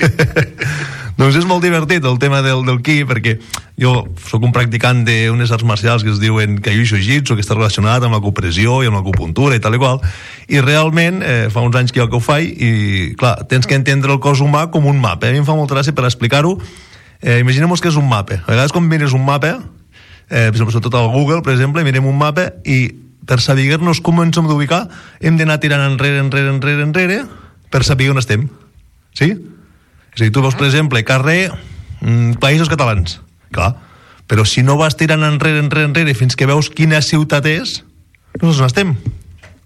Doncs és una mica... Ja. Seria, sí? Què et sembla aquesta idea? Seria una mica el no, mateix... No, em al- sembla espectacular. Sí, clar. I llavors, clar, per exemple, a vegades, o sigui, estàs buscant un mapa a Barcelona, i llavors dius, "Doncs tinc que anar a tal lloc ja, però primer tinc que saber on estic, no? Però per saber on estic tinc que anar, tinc que anar enrere per ubicar-me, o per arribar-hi. Doncs el cos humà és exactament el mateix. De vegades tenim que mirar el cos com un conjunt molt més global que no pas com un conjunt només, eh, com una cosa concreta.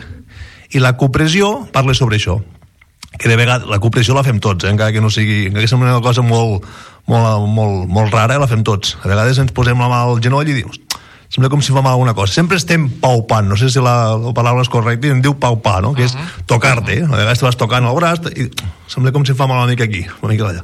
O sigui doncs, que digue'm. quan et passa això, Jordi, vol dir que potser tens alguna altra part del cos que, que està malament, que Correcte. és, és, un, és una senyal del cos, pot ser una senyal del cos que t'avisa de, ei, potser el fetge no, no va com hauria d'anar. Molt bé, correcte. Hi ha 12 meridians que estan associats, bueno, hi ha els do, dos meridians bàsics, que són el vas Concepció i el vas Governador, que un va per davant, diguem que va ser per davant de...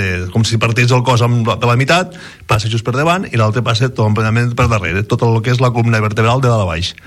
Però després hi ha tots els altres meridians que estan associats a òrgans del cos, com el fetge, com els pulmons, com el cor, etc etc. Fixeu-vos que, encara que sigui medicina tradicional xina, està molt relacionada amb, la, amb nosaltres, perquè nosaltres el dit, el dit mig del, del, de la mà li diem el dit, el dit cor. Nosaltres n'hi diem el dit cor, no n'hi diem el dit polze, el dit índex, n'hi diem el dit cor. I precisament... Els nens petits diuen el, el, el, el dit dels insults. El dit dels insults, correcte, però realment a l'energia, al, al, al qui passa per aquí, és a dir, que passa un meridià de pulmó, passa el meridià de pulmó just pel, pel dit polze. Després, també us potser us recordeu de petit, també m'ho feia molt la meva àvia, quan teníem angines, ens agafaven les munyeques, o els canells, i ens petaven les angines. No si en recordareu, potser algú de vosaltres, però... No. No?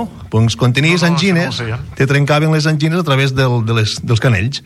I realment sí, havia, jo sempre ho feia a la meva filla, quan, eh, quan a vegades li, enflaven les, una mica les angines, li apreta una mica els canells i veureu que té com una espècie com de voltet, un bulto, un petit, una petita protuberància, que és una petita inflamació, que són el que nosaltres diem els ganglis, no? tenim com a ganglis. Doncs la copressió fa això, petits ganglis.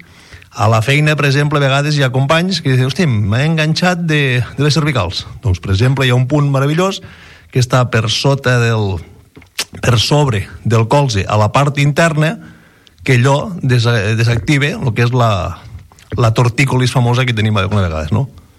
Alça, tu.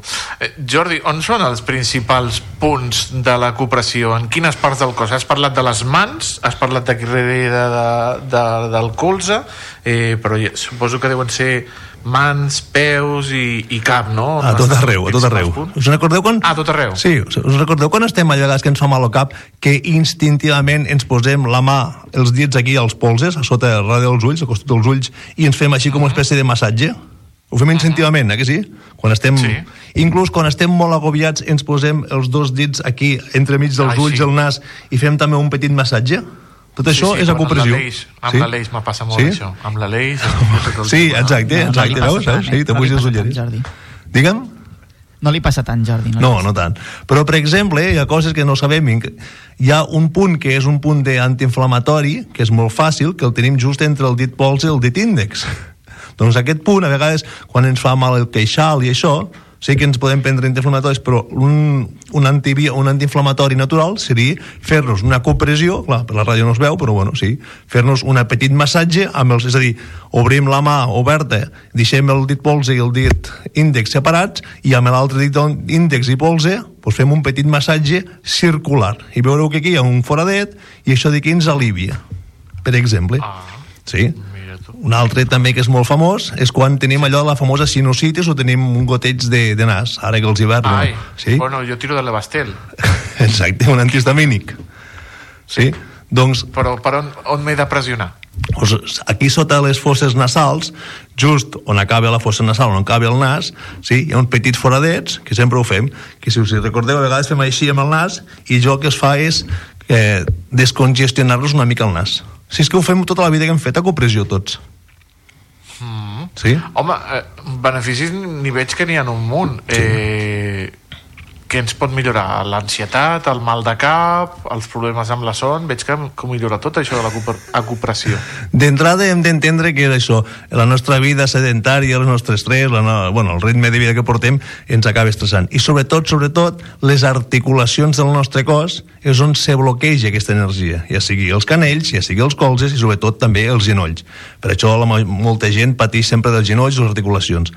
És cert que el millor seria fer uns bons estiraments, perquè els estiraments el que fan, diguem que això és com, com uns tubets. Si els tubets, com, igual que el colesterol, si el tubet se col·lapse, eh, el colesterol ataca a, ataca el nostre, la nostra salut. Doncs el mateix a nivell d'energia, si poguéssim.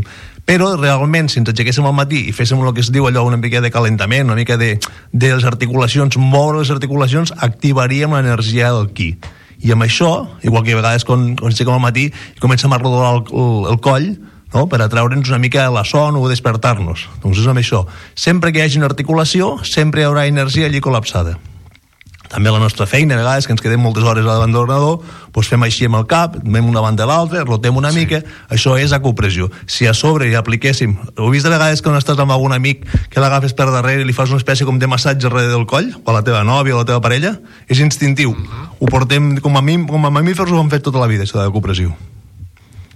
Tenim la, la cooperació llavors molt, molt inculcada al dia a dia. També inclús ha d'haver-hi una mica, o hi ha una mica d'efecte placebo també inclús d'aquest d'aquest no sé, quin, quin percentatge inclús t'atreviries a dir que hi ha de placebo o, o, o, com, o com va? Jo crec que diuen que la fe, la fe mou muntanyes. És a dir, eh, sempre, i quan anem al metge també, eh, potser pots, pots fer unes analítiques i, no, i estàs bé i, a les, i sortint de, del metge resulta que estàs malalt, no? Eh, que tens el colesterol alt però quan el dia abans no ho sabies que el tenies. Doncs el placebo el tenim tant a la medicina tradicional com a la medicina actual. Però realment, eh, si nosaltres pensem que al cap i la fi no és una, una mesura curativa, sinó més aviat és pal·liativa o inclús preventiva. Si podem fer la copressió de forma preventiva, clar, si tenim una enfermetat potser que millor que anem al metge, òbviament, però si cada dia ens fem això, fem un, jo feia un repàs abans de dormir, em sento allò al sofà, em toco una mica, potser sona malament, però realment em toco les, els, els canvis, em toco els peus, i miro si algun punt em fa mal. Si algun punt em fa mal, llavors miro quin és el meridià que tinc col·lapsat. Mm, mira tu, eh, explorar eh, això és el bo de la cooperació que, sí. que, que, tu, que tu pots fer tu mateix bueno, si sempre estàs en mans d'un professional Aquí agulles no n'hi ha. No cal. Aquí són els dits Els del mateixos professional, dits. però també utilitzen eh, boles de, i, Sí. o barres per, per, per, per, per la cooperació, no? Sí, això és molt senzill. A vegades allí ha, hi ha alguns... Ho podeu comprar també per internet. Hi ha com unes boletes que són allò de massatges i llavors hi ha diferents boles de diferents tamanys. Jo, per exemple, utilitzo els dits perquè m'agrada molt, perquè se sentiu digipuntura, hi ha la copressió i la digipuntura perquè s'utilitza els dits però bueno, podeu, comenceu amb els dits i si realment voleu fer-vos un massatge amb alguna boleta, inclús amb alguna pilota dura, se pot anar fent sempre i quan no sigui molt gran i depèn del punt, perquè com més petita sigui la pilota més entrarà, per això se fa la, acup la acupuntura amb agulles perquè llavors amb l'agulla ja entres directament just al punt. Oh, però millor que no et punxin. no, no, no, no. penseu que la, lo, lo bàsic és això tocar-vos una mica, fer una mica de, de recerca i veure si realment tenim alguna cosa. Sobretot, per exemple, al braç hi passa tot el tema meridià de pulmons, ara que hi ha tot el tema de les al·lèrgies, que ja començarem al març amb les al·lèrgies, quan comenci, no?, amb aquesta sequera que hi ha, doncs veureu que si, sobretot si repassem tot el que és de la part de l'antebraç, eh, els que tenim més tendència a agafar al·lèrgies, pues aquí veureu que està bastant inflamat. Se'ns inflama una espècie de glanglis entre la mà i el, el colze i això prové tot del pulmó. I Jordi, tota aquesta informació que ja fa cent, cent, segles i gairebé Sí, milers d'anys, milers d'anys. i milers, i milers d'anys que, sí. que va això. Em, com podem aprofitar o com es pot a, aprofitar cap a on creus que pot evolucionar tot aquest coneixement recollit durant tot aquest temps? Pot haver-hi una, una, una sofisticació inclús de- d'aquestes tècniques? En què, en què pot millorar la nostra vida Jo crec que, com tot, eh, hem de- hem d'evitar de, eh, los, los grans crecepelos i les grans eh, solucions màgiques. Al cap i la fi, la salut sempre és el mateix. La salut és la prevenció, no? Però realment ja s'està demostrant científicament que la meditació funciona, s'està demostrant realment que la, no sé, que la pau interior funciona, que anar a passejar per la platja i relaxar-se funciona, no? Pues, també podem aprofitar que les, hi ha moltes altres cultures que tenen altres coneixements, igual que les plantes medicinals, doncs amb la copressió el mateix. Podem utilitzar eh, això, la copressió. Més que res, jo sempre dic el mateix, eh, les malalties sempre avisen. No passa que la gent diuen de cop i volta em, trobo malament. No, sempre avisen, ens trobarem.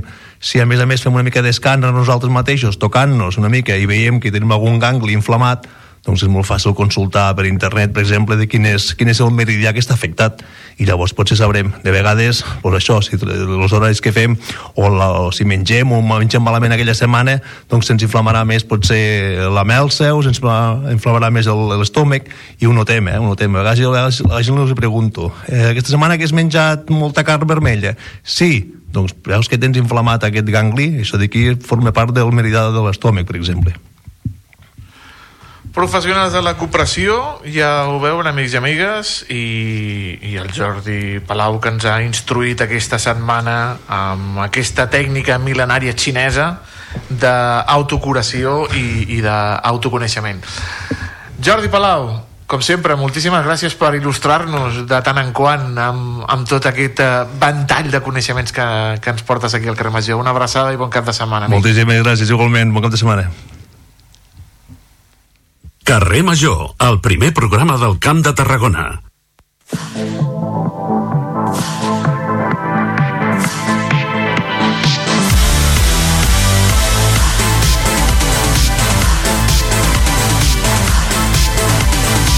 Ya sé que soy solo una zorra, que mi pasado te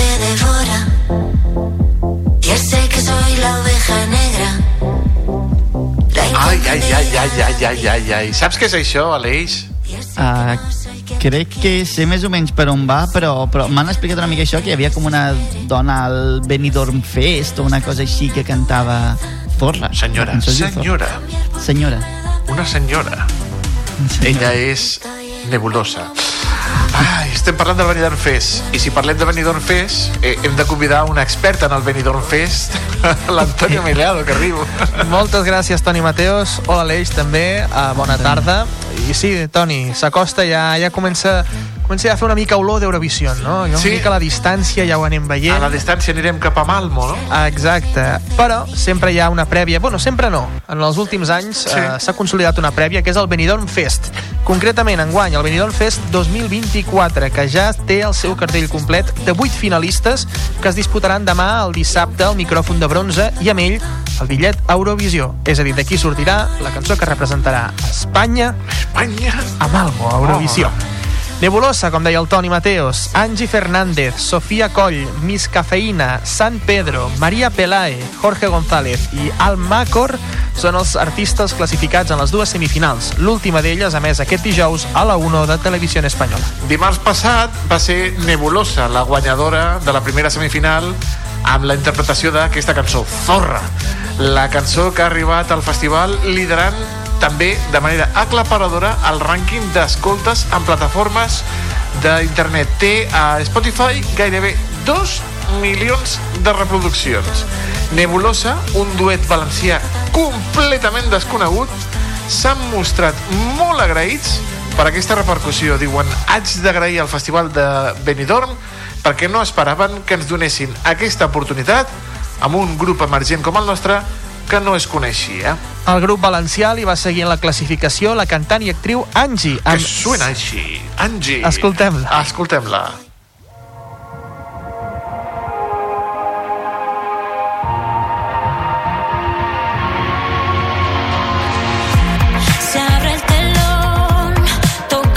Estem a l'any 2008. de Sí, nou. hem tornat enrere. Exacte, aquest és, aquest és Sé quién soy. Angie Fernández ha afirmat que, tot i sigui com sigui la cançó, ella està gaudint l'experiència al màxim. Diu que em sento super agraïda amb la meva tornada a la música aquí. Sense el meu equip no hauria tret aquesta força. A vegades costa i és important envoltar-se de gent que et vol i que et dona suport, ha dit. Eh, Angie, la actriu i ara, i ara cantant. Aquesta sortia física o química, no? Sí, era la... no me'n recordo com es deia, però feia un paper principal. Allà es va conèixer, de fet. Allà es va donar a conèixer. Més cançons. Vinga. Sofia Coll. Mírame. Esta vez sé que no hay marcha atrás. És la catalana Sofia Coll, d'Eufòria, i la seva Here to Stay, també que està a la final, l'única representant catalana després de la injusta eliminació del Roger Pedrós el dimarts. Sofia ha donat les gràcies per al suport incondicional que hi ha hagut de molta gent que no sabien ni el seu nom ni coneixien el seu univers. Estic molt agraïda a l'equip que ha creat això del Benidorm Fest. I anem amb una altra, amb una banda que sí que és més coneguda, no? Sí. Miss Cafeïna. Miss Cafeïna. Escoltem-los. Yo que he luchado por ti, que me he dejado la voz, ahora no estoy a la altura.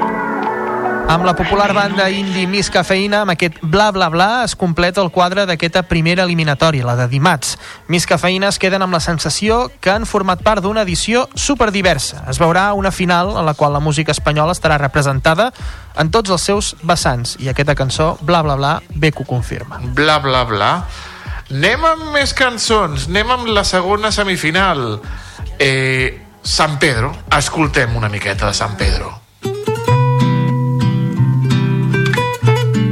Bienvenidos a 1996 Sergio Dalma representando a España. Ah no, que es un bolero, calla, escolta, escolta.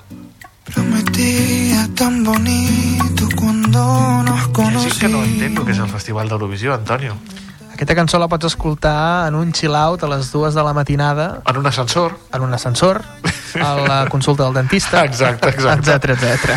Doncs mira, de la segona semifinal, la d'Eddie Jones va acabar amb San Pedro com a guanyador gràcies a la seva actuació amb Dos extraños. Si és que té nom també de bolero, aquest. és que de veritat. San Pedro és un dels grans favorits de la final. Ha donat les gràcies al seu equip i als eurofans pel suport que han donat a la seva proposta. San Pedro també és un vell conegut pels eurofans ja que ha signat moltes cançons del Benidorm Fest d'edicions anteriors, com per exemple la de Famous eh, era de San Pedro.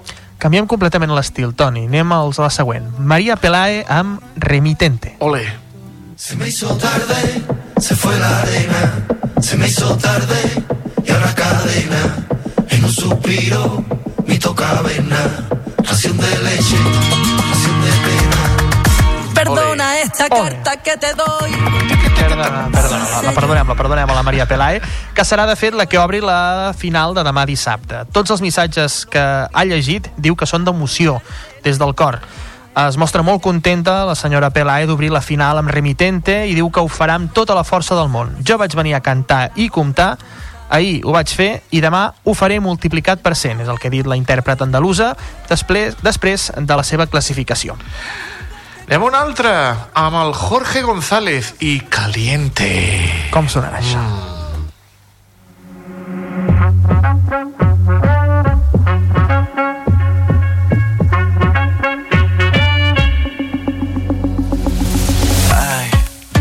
Saps que m'esperava que sonés així? Ja quan has dit el títol, Caliente, Caliente. m'esperava que sonés així, Toni. Eh, Jo m'espero aquí a la, a la Nelly, Nelly Fureira, ¿no?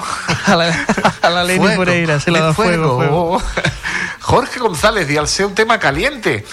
Li van fotre bronca al públic, al jurat, per la seva puntuació, que van puntuar molt baix el Jorge, que no van trobar just la tercera posició per aquest eh, cantant. Eh, Jorge ha contestat que les comparacions del seu número Caliente amb el mític Slow Mo de la Chanel, ell ha dit jo mai he volgut comparar-me amb ningú, per a res. Simplement això és un home fent el que potser no estem acostumats a veure, que és ballar. I ballar de forma molt sensual. No sé què no ha agradat al jurat, però trauré de mi fins l'últim alè defensant la meva cançó. Doncs aquestes són les paraules del Jorge González amb Caliente. S'ha de pronunciar així, Caliente. Caliente. Sí. I acabem amb la vuitena i última cançó del Benidorm Fest que es presentarà aquest dissabte a la final amb aquest Brillos Platino del Macor. Está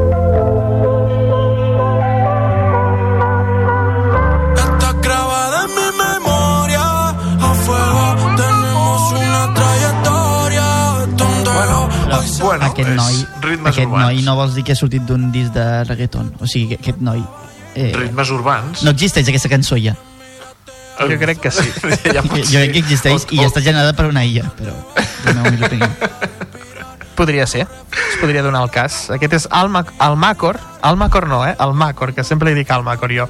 Um, li van seguir a la taula després de la suma del televoto, del vot demoscòpic i el jurat professional, i es va poder colar, per tant, a la final.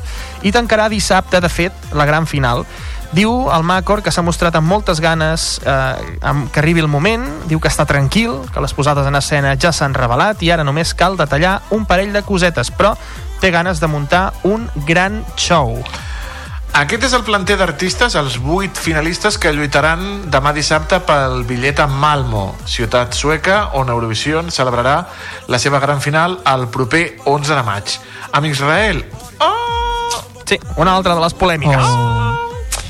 Els favorits dels tonis. Doncs mira, tenim Zorra, de la Nebulosa, i ens encanta que, si, que sigui una senyora que tingui més de 50 anys, que està estupenda, i acompanyada per dos xulazos. Eh, eh, Així és com s'ha d'anar a Eurovisió, Toni. Amb dos xulazos? I tant. I quedarem últims, sí, És però igual. almenys ens ho passarem bé. L'important és, és participar en aquests casos. Sí, sí, sí. Um, un altre dels favorits, en aquest cas del públic, és el Macor, però la gala d'ahir va mostrar forces carències vocals i la seva actuació va ser una mica justeta. Així es Mhm. llegia a les xarxes socials que bullien, eh? San Pedro potser guanya una mica, però tornem a repetir que un bolero no és una cançó per a guanyar Eurovisió, eh? Però bé, amb Salvador Sobral, no? Te'n recordes? Aquell de Portugal. Però no era un bolero, era un fado. Però era una altra cosa, Era una no? altra- una era- cosa que sortia dels temps. estàndards, eh? Exacte. Mai sabem. Ni tampoc, però, pensem que la Maria Pelae pugui guanyar, que continua apostant no, per la música d'arrel andalusa. I a veure, veient el que va passar l'any passat amb Blanca Paloma i el seu Ea Ea, no, Ea, que també era una mica amb aquest estil, doncs al final va quedar oblidada per tothom. Què se n'haurà fet d'aquella noia, Doncs la mira, Blanca Paloma? Tothom parla de Vico. Sí, home, Nochentera va triomfar. Aquí encara la posen els guateques. I tant. I el Ea Ea de la Blanca Paloma, doncs ja ni, ni, ni, ni sona. No. Ràdio Televisió Espanyola celebrarà demà dissabte la gran final del Benidorm Fest a partir de les 10 de la nit a la 1 i a priori tot fa pensar que com ha succeït en les dues edicions anteriors la victòria es debatrà entre Nebulosa i San Pedro, els guanyadors de les seves respectives semifinals. Però, no obstant això, no es descarta que siguin altres o que hi hagi sorpresa i sarpasso després d'unes gales classificatòries de nivell, no molt alt nivell, no, no di, dilluns, di, dimarts, perdona, va sonar molt malament, el que es disputin la gran final i que guanyin el preuat micròfon de bronze i el bitllet d'anada i tornada a Malmo. O d'anada O d'anada només, i que el Depèn de deixin com cantin, potser no en tenen de tornada. segons com ho faci. Qui sap, qui sap. Qui sap. Estarem atents, Antonio, demà dissabte? Sí, demà sí. Després del Carnaval de la Selva tocarà veure... Tocarà veure Eurovisió. Eurovisió. Gràcies, Antonio, com sempre, una abraçada. Bon cap de setmana. Bon cap de setmana. Igualment, adéu, Antonio. Carrer Major és proximitat. The world is changing. Planet's heating up. What the fuck is going on? Rearranging. It's like everything happened all at once. Um, what Demà dissabte, amics i amigues, si volen oblidar els seus problemes del dia a dia, oblidar-se del dia de la marmota i passar una bona estona i al mateix cop abraçar una nova religió, la del bon rotllismo, tenen una cita imperdible al Palau de Congressos de Tarragona, ja que arriba el Messies del bon rotllo a la capital tarragonina, el còmic i monologuista Víctor Parrado, amb una trajectòria envejable a les esquenes i sent el segon còmic més guapo de Catalunya. El tenim amb nosaltres aquesta tarda, el Víctor Parrado, segon còmic més guapo de Catalunya. Víctor, bona tarda, com estàs? Què tal, senyor? Bona tarda. Hòstia, el primer ets tu, entenc. A veure, no, el dubte... Això està clar, eh? No hi ha discussió, eh? Bueno, a veure, eh, també hi ha per allà el, el, Javi, el Javi Benítez, que també és molt guapo. Ojo, ojo, però Javi Benítez, eh? Té allà una bona planta, eh? Està en construcció, com el Barça del Xavi, eh? Està en construcció. O destrucció. o destrucció. Què tal, bonic? Hòstia, un plaer, tio. Fa molt de temps que no ens veiem. Fa molt de temps que no ens veiem. Víctor, què és el buen rollismo, estimat? No ho sé ni jo, tio. La veritat. Eh, pues mira, fa uns anys et diria que és una corrent positiva i tot això, tal, muy pablo, pablo ecolista, però crec que s'ha anat transformant bastant, la veritat, el, el buen rollista, el buen rollismo. Al final és una... Crec que és una elecció, una decisió molt personal, no?, de com prendre la, la vida i de, també de surfejar una mica les onades que també ens mengem setmanalment i és més un tema d'actitud personal i amb una mica d'humor. A més, contrastant no, a vegades també amb, amb totes les dificultats que tenim en el, en el món, només a vegades cal mirar les notícies no? i, i deprimir-te una estona.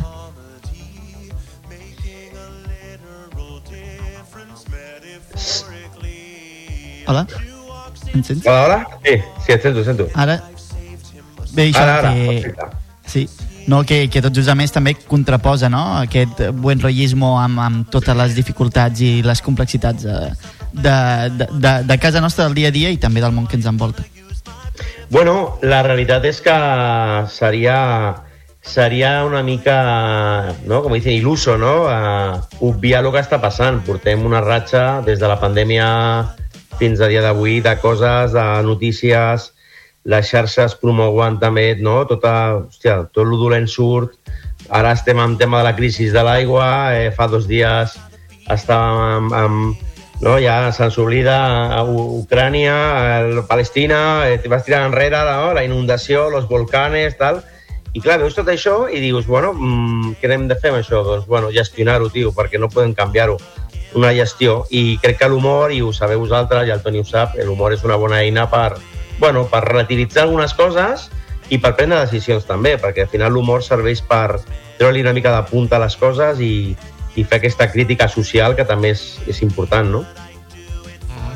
Parlant de decisions, eh, com, com va ser aquella decisió de dir eh, ho deixo tot per dedicar-me a 100% al món de l'humor i com s'ho van prendre a casa quan els hi vas dir mamà, quiero ser artista? bueno, jo crec que ma mare i el meu pare, que en pau descansi, jo crec que ja sabien que tenia un, un, un no sé si un artista a casa, però, però sí un nen una mica, una mica raro.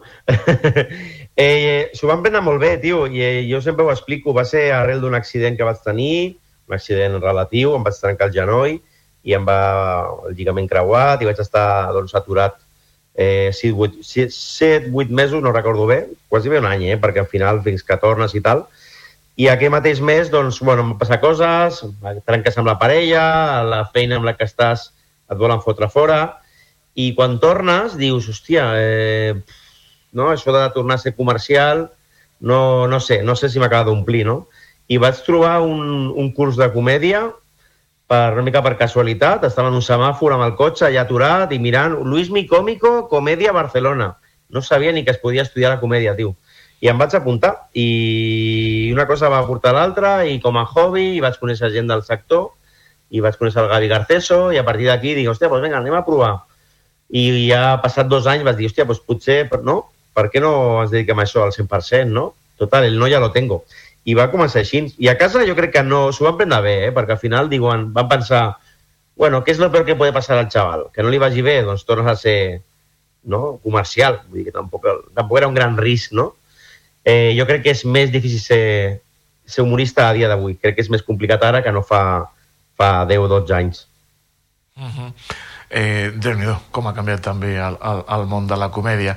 El Víctor, com he dit, té una llarga trajectòria a les esquenes, té molts espectacles d'èxit. Quina és la fórmula? Quina és la fórmula, senyor Víctor? Perquè jo no, no, no trobo l'èxit. Mira, et diré una cosa, Toni. Eh, per, per començar, hem de definir què és èxit. També, també. No? Vull dir, perquè eh, si èxit és viure d'això, doncs t'ho compro. Dic, hòstia, doncs jo ja sento que, que a dia d'avui pues, o sigui, pues, eh, estic content perquè puc viure d'això i pagar factures i tal. Si èxit és, hòstia, llenar i, i estar en los mejores teatros del mundo i tal, i no sé què, i estar a la tele i a la sèrie... Vull dir, és molt relatiu. Jo, tio, saps què passa? Que, que el que tinc molt clar és que, que l'èxit és molt personal, no? I, I per mi és poder treure el millor que tens no? i buscar una, una, una millor versió de tu mateix i compartir-ho amb la gent. I després agradarà més o menys. Jo sí que tinc molt clar, tio, que una de les claus que, que sempre he perseguit i m'ha anat molt bé és rodejar-me de gent millor que jo, tio, i de gent molt bona, tio. O sigui, gent que et pugui aconsellar, gent que, no? que, que t'haga tocar de pies al suelo, gent que et digui, escolta, això és molt llarg, Eh, I després, a cada esglaó que vas pujant, sempre et trobes eh, fotiment de coses, de problemes, d'inquietuds, de coses a solventar. Mm, vull dir que, que això és un, un, un, una constant de, de remar, remar, remar, i jo crec que l'èxit està en, en el que tu et faci feliç, tio. A mi em fa feliç treure coses com aquesta, i tant de bo arribi a la gent, però no em treu el son ja, tio, el tema aquell de estar aquí, allà, allà. No, tio, estic en un altre punt de vida i crec que és més sa, fixa el que et dic, és més equilibrat perquè si no tornes boig, tio. Eh, una feina com aquesta, que estàs sempre tan, no? tan expuesto a la crítica, a, a l'elogio, a les xarxes, als seguidors, a no sé què, dic, hòstia, tu has d'aprendre amb, una, amb una altra calma i anar fent, tio, i picar pedra, picar pedra i, i gaudir, evidentment. Si no, si no gaudim, com el Xavi, acabem al juny i marxem, saps? Seria per, per aquí el tema, una mica. Clar, perquè la gent al final també que va veure tots aquests monòlegs només veu el resultat final, no? També hi ha un procés darrere de, de molt de temps, de molta preparació i també et volia preguntar si l'humorista es fa o també necessites haver nascut amb una mica aquest talent per, per treure els somriures? el Toni fa així amb el cap, no? Com dir, bueno... Home, està clar que hi ha gent que té un do, no? Hi ha gent que, té, que neix amb un talent o té una capacitat de connectar que és com innata, però, hòstia, després hi ha una formació darrere que no es veu, no? Al final, eh, jo, no sé, de vegades he fet algun curs de formació per gent que està començant ara i m'agrada molt compartir i sempre els dic, hòstia, formació, formació, eh, aprendre, tio, acting, aprendre impro, a, a, a escriure, guió, tot el tema de... Si pots fer clown, tot el que sigui aprendre eh, et dona eines i, i jo crec que... Però això, en, aquest, en aquesta professió hi ha qualsevol, no? Eh, si tu vols ser actor, si vols ser cantant, la gent no deixa d'aprendre de, de, i de, de formar-se. És veritat que estem en una, una, una, una profesión que sembla que es fácil porque to, to, todos tenemos un, ¿no? un cómico dentro y tothom som graciosos i però, però crec que ens hem de prendre molt més seriós aquesta professió. És molt difícil arribar a la gent, és molt difícil eh, innovar, és molt difícil cada cop no? que la gent s'ho prengui i això és formació i, i molta autocrítica. Aleshores jo crec que seria, et diria un 40-60, eh? fixa't el que et dic. Uh, el públic eh, és diferent en, en, en, difer en, difer en diferents llocs? A Barcelona és diferent el públic de Barcelona que el de Madrid, que el de Burgos, que el de Sevilla, Víctor? Molt, molt. molt. I tam tampoc tinc una gran experiència fora de Catalunya, eh? vull dir, sí que he anat a actuar fora, però no podria dir, hòstia, jo aquí en Galícia o ja... O sea, però sí que és veritat que ja canviant, de, canviant ja de, de ciutat, mira, no? de Tarragona doncs ja canvia respecte a Barcelona, o te'n vas a Sant Boi, o te'n vas a, a Lleida, o Madrid canvia totalment, eh, la ironia. Eh, canvia molt perquè, evidentment, l'humor és molt local, no? I, i, i els localismos estos, això, doncs, fins que no entens una mica també la, la idiosincràsia de, de cada lloc, eh, també costa. Te'n vas al sur, que sí que he estat al sur, a Andalusia, i, hòstia, entenen l'humor d'una altra manera. I al final tu vas allà amb el teu monòleg i de vegades em miren com dient, bueno, pues està molt bé, no? Però canvia, canvia molt i jo crec que és molt important també saber adaptar-se una mica, entre cometes, de, de, de saber llegir al públic i, i adaptar el teu humor una mica al, al, al públic que necessita, no? Si jo demà vaig a Tarragona i pues, el, el públic serà d'un tarannà diferent, no? Intentaré adaptar-me quan interactuo amb ells, eh, la manera d'algunes expressions, alguns, alguns recursos que puguis tenir, però varia molt. És molt heavy, tio. Tu ja ho saps, que quan vas a un lloc canvia molt i, i jo crec que la clau està en saber adaptar-se i, i llegir això. Si no et fots unes hòsties, de, yo vengo con mi libro, bueno, pues, pues vale, no, no, sort. No, eh... jo recordo dos pobles separats de 5 quilòmetres i amb un sortir a, a, a ombros i a l'altre sortir a gorrazos o sigui que... Bueno, però va sortir, eh? Que això és important. Va sortir, sí, sí. Amb un corrents i l'altre entre vítores i l'altre corrents. Ai, Déu meu. Que no que. Hi ha que no els que s'acostin demà al Palau de Congressos, un lloc fantàstic, ja veuràs, disfrutaràs com un, com un condenau. Eh, què, què veuran demà a, al damunt de l'escenari? Veuran eh, impro, veuran el Víctor fotent-se amb les parelles, fotent-se amb la gent, divertint-se... Eh, què veuran amb el buen rotllismo, Víctor? Pues mira, eh, veuran un Víctor molt honest, perquè jo crec que ja això de complir els 40 ja fa uns anys m'han fet també estar en un altre punt també a la comèdia. Eh, veuran un, positiv, un positivisme constructiu, però també crític, no? És a dir, una lectura de dir, escolta'm, anem a connectar-nos a les coses bones de la vida sense obviar també que hi ha una realitat que hem d'aprendre a gestionar. Veuran també no, aquest punt de... No sé si la paraula és esperança, perquè no, no cal tenir esperança, no? O, o sí, no ho sé, eh? però sí que aquest punt d'optimisme moderat, que crec que també és important, no?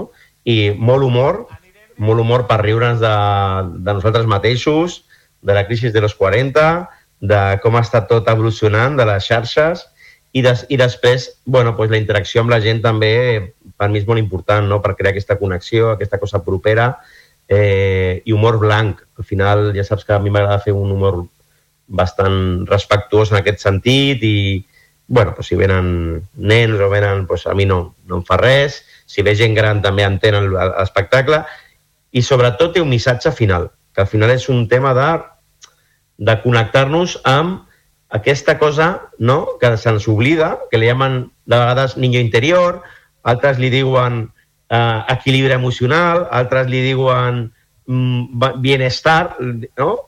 Però aquestes coses, aquest punt de dir, ei, vale, que portem una ratxa així, que fem això, que fem l'altre, però anem a aturar, anem a mica per al temps i aquest moment és per nosaltres. Crec que és bo que es puguem dedicar aquest temps i des de l'humor i també la reflexió doncs, sortir amb bon rotllisme, no? Aleix, no t'ho perdis, eh? eh? Si pots acostar-te demà al Palau de Congressos i els nostres oients del, del carrer Major, no s'ho perdin per veure el Víctor Parrado, el segon còmic més sexy de uh, Catalunya. i t'ho diré sempre. Eh, Bueno, Víctor, prenc Parra, nota. una abraçada molt gran. Eh, Igualment, gràcies, estimat. company. I A tu, molta merda per vosaltres. Moltes gràcies, molts èxits i a seguir compartint aquest bon rotllo vostre també. Fins, a, fins aviat, macos. Cuideu-vos. Gràcies, Víctor. macos. Adéu-siau, adéu. Gràcies. A vosaltres. Adéu, macos. Carrer Major, fent camp de Tarragona.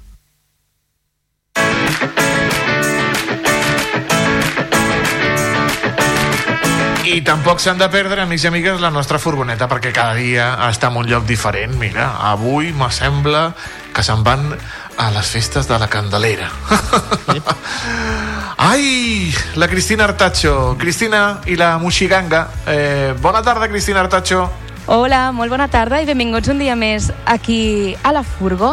I avui em trobo a Valls i, de fet, estava aquí, amb, bueno, el Ramon Avellà, que és el cap de colla de la Moixiganga de Valls, i érem a punt de fer l'entrevista a la plaça de l'Església, però ens hem hagut de canviar de, de lloc perquè just passa la processó, hi ha música, i és que avui se celebra a Valls la festivitat de la Mare de Déu de la Candela. És per això que m'acompanya precisament el Ramon Avellà, perquè avui és l'únic dia de l'any que representa la Moixiganga al complet. Molt bona tarda, Ramon. Bona, bona tarda. Doncs sí, és el dia eh, per excel·lència per la Mare de la Candela, festivitat de la Mare de la Candela, que es fa tota la representació íntegra del Vall de la Moixiganga dins de l'escastal de Sant Joan. Com ha anat això? La representació ha anat bé, en primer lloc? Molt bé, molt bé. La veritat és que no té res a veure, i això ho sap tothom, no té res a veure els assajos amb el dia de la representació. Tothom es posa al seu lloc amb una actitud excel·lent. Bueno, és preciós. La veritat és que tu l'estàs ballant i ara, és un, és un sentiment, és un sentiment que tothom qui la balla i amb les diferents poblacions de Catalunya amb diferents activitats tothom sent el mateix, una actitud, un nervi interior que és el que et porta i, i és el que et fa que al final surti rodat. Aquesta moixiganga que dèiem que només es representa al complet el dia de la Mare de Déu de la Candela, que recordem que és la Mare de Déu en la que cada 10 anys se li fa aquesta gran festa de les decenals. Però realment, quina relació hi ha entre la Candela i Valls o entre la Candela i la moixiganga? Bueno, relació ve de molt antic, perquè hi ha documentacions que parla de, dels anys 1800 i inclús de 1600, ha arribat a trobar coses, no, no exactament de, de la Moixiganga, però sí de valls de pujar un damunt de l'altre, m'entens? O sigui, mm, de pensar que la, la Moixiganga ve de Vall de Valencians, de les Moixerangues valencianes, i d'aquí neix també el món casteller, no? i bueno, eh, amb el temps eh, es va perdre amb la guerra tal, eh, l'any 81 si no recordo malament es va recuperar el Vall de la Moixeganga i es va representar ja per primera vegada l'interior de l'església de Sant Joan. I a més a més ara ja portem com a 5 anys que també es fa la representació sencera. Aquí on estem ara els arts del, del Camp Graner per Sant Joan també es fa la representació sencera no es fa tan solemne com és dins l'església perquè dins l'església va eh, o sigui cada figura se li dona una expressió se, se li llegeix un text de, dels, dels evangelis per donar-li un sentit, un significat per dir què és el que fem, perquè recordem que la Vall de la Moixiganga el que és és una representació, unes figures plàstiques que representen la passió de Cris. Llavors eh, estan inspirades amb retaules i passos de la Setmana Santa Vallenca i amb retaules de l'església de Sant Joan. O sigui, són eh, figures calcades d'aquestes representacions. Comenta el Ramon no, precisament que la moixiganga són representacions de la Passió de Jesucrist. Jo vull saber realment si continua havent aquest component religiós dins del ball o es mescla molt no, la, el que és la, el component religiós també amb el component tradicional. És, eh, avui en dia és, eh, és tradició. És tradició, és a dir, a veure, eh, està clar que mm, la, la, la, les creences és, és místic, llavors tothom té la seva, tothom ho veu de manera diferent, el que sí està clar és que per tothom sí que és aquest tres quarts d'hora que pot durar la representació un moment de reflexió mm, tothom està concentrat, hi ha un silenci i la veritat és que qui imposa. Hi ha, És molt bonic. hi ha silenci, però també hi ha una música preciosa que acompanya aquestes figures. Quina importància té la música en el vostre ball? Lògicament, eh, com en tot, en el món casteller es dona, és a dir, per exemple, el toc de gralla eh, marca un compàs de com es munta la figura, com s'acaba el castell, doncs el, amb la moixiganga passa el mateix, és a dir, tot aquest acompanyament que hi ha per gralla i tabal, a nosaltres ens dona el compàs del toc de castanyola cada vegada que hi ha un pas baix de tambal notes que tothom fa el pas amb la castanyola perquè es composa del pas de cartró i el pas de coixinet el pas de cartró és el pas de processó que és anem tots en fila i llavors es comença caminant pas dret i llavors no tots anem amb la mateixa formació. És a dir, encara que anem en renglera un darrere de l'altre el pas de Cardró, en el toc de Castanyola, eh, el, un component fa el toc cap a la dreta i l'altre fa cap a l'esquerra. I llavors veus un engranatge. Entens? És el pas, el, és el pas, de, és el pas de processó.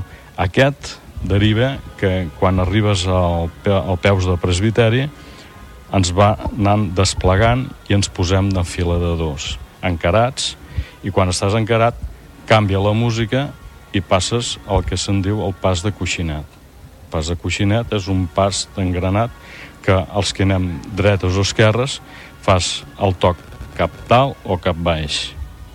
Val? I fa un, engra, fa un engranatge que és molt bonic. O sigui, el pas de coixinet diu la, la tradició, bé, es diu coixinat perquè doncs, és aquest engranatge de que tira, uns tiren cap dalt, els altres tiren cap baix. Però el pas de coixinat antigament es banyava, es banyava, es ballava, perdó, amb una castanyola i un coixí. D'això ve el nom. Però bueno, ha quedat així. Uh, en el moment que s'acaba aquest toc de pas de coixinat, comença, es, es, es canta la figura, Llavors hi ha un component del grup de la Moixiganga que fa la lectura evangèlica de, del que anem a representar. Automàticament es desplega d'una manera molt eleganta, es despleguen les files, totes baixen les escales i tot es regla i tothom va ocupar el seu lloc per construir la figura. Uh, en el toc de la música tothom sap quin moviment ha de fer es construeix la música, es pugen els pilans, pilans de dos, pilars de tres, es forma la figura central que vol representar aquella imatge i arriba un punt que es fan tres tocs de gralla. Aquell és el que culmina la figura, s'ha d'haver acabat. Es torna, com torna a començar el toc de música per desmuntar-la i tothom torna a ocupar el seu espai per tornar a fer el pas de coixinet, tots encarats. I així successivament amb 11 figures. Doncs ja ho sabeu, aquesta moixiganga de Valls que s'ha representat sencera avui coincidint amb el Dia de la Candela, que no ho hem dit, però la moixiganga de Valls que són una vintena de persones i on es necessiten gent de totes les edats, des de nens, homes, dones, adults, de tot. I nosaltres ens veurem a la propera furgó i si us heu quedat amb ganes de veure la moixiganga em sembla que no podrà ser fins al dia de Sant Joan, no? Per Sant Joan, sí. Pel, pel, normalment és el dia 22 de, de juny a la nit, aquí- als Sars a Cama Granet. Doncs moltíssimes gràcies al Ramon Avellà, que és el cap de colla de la Moixiganga, i nosaltres ens veurem ben aviat a la propera furgó. Adeu. Gràcies, Cristina. Adéu-siau. Eh, nosaltres també ens acomiadem. Aleix, bon cap de setmana. Igualment, Toni Mateus, que vagin bé les, les motos, les vespes. Eh, gràcies, gràcies, vermut, gràcies. Eh?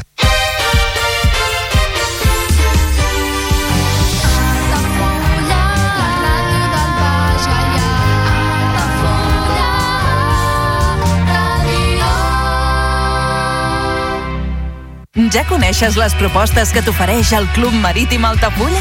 Vine i descobreix totes les nostres activitats. Sortides en caiac o pa del sur, cursos de vela per a totes les edats. No t'ho perdis. Club Marítim Altafulla. Obert tot l'any i per a tothom. Comunions 2024. Dates ja disponibles amb sales privades, jardí, pàrquing privat i la millor gastronomia. Més informació i reserves al 977 65 11 55 i a comercial arroba altafullamarhotel.com o al web altafullamarhotel.com. Les teves celebracions familiars a l'Altafulla Mar Hotel.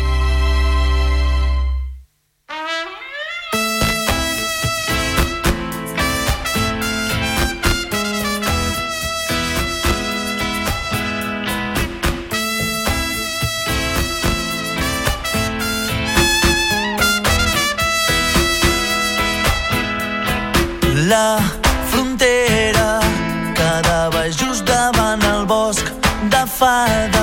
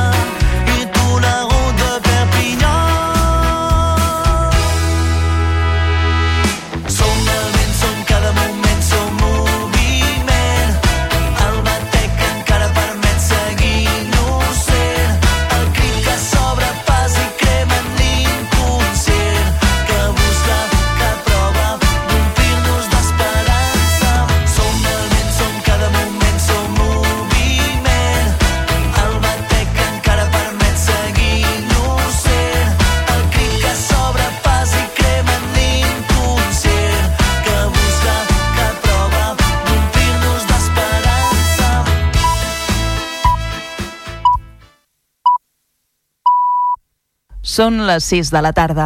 Les tardes d'Altafulla Ràdio, la ràdio del Baix Gaià.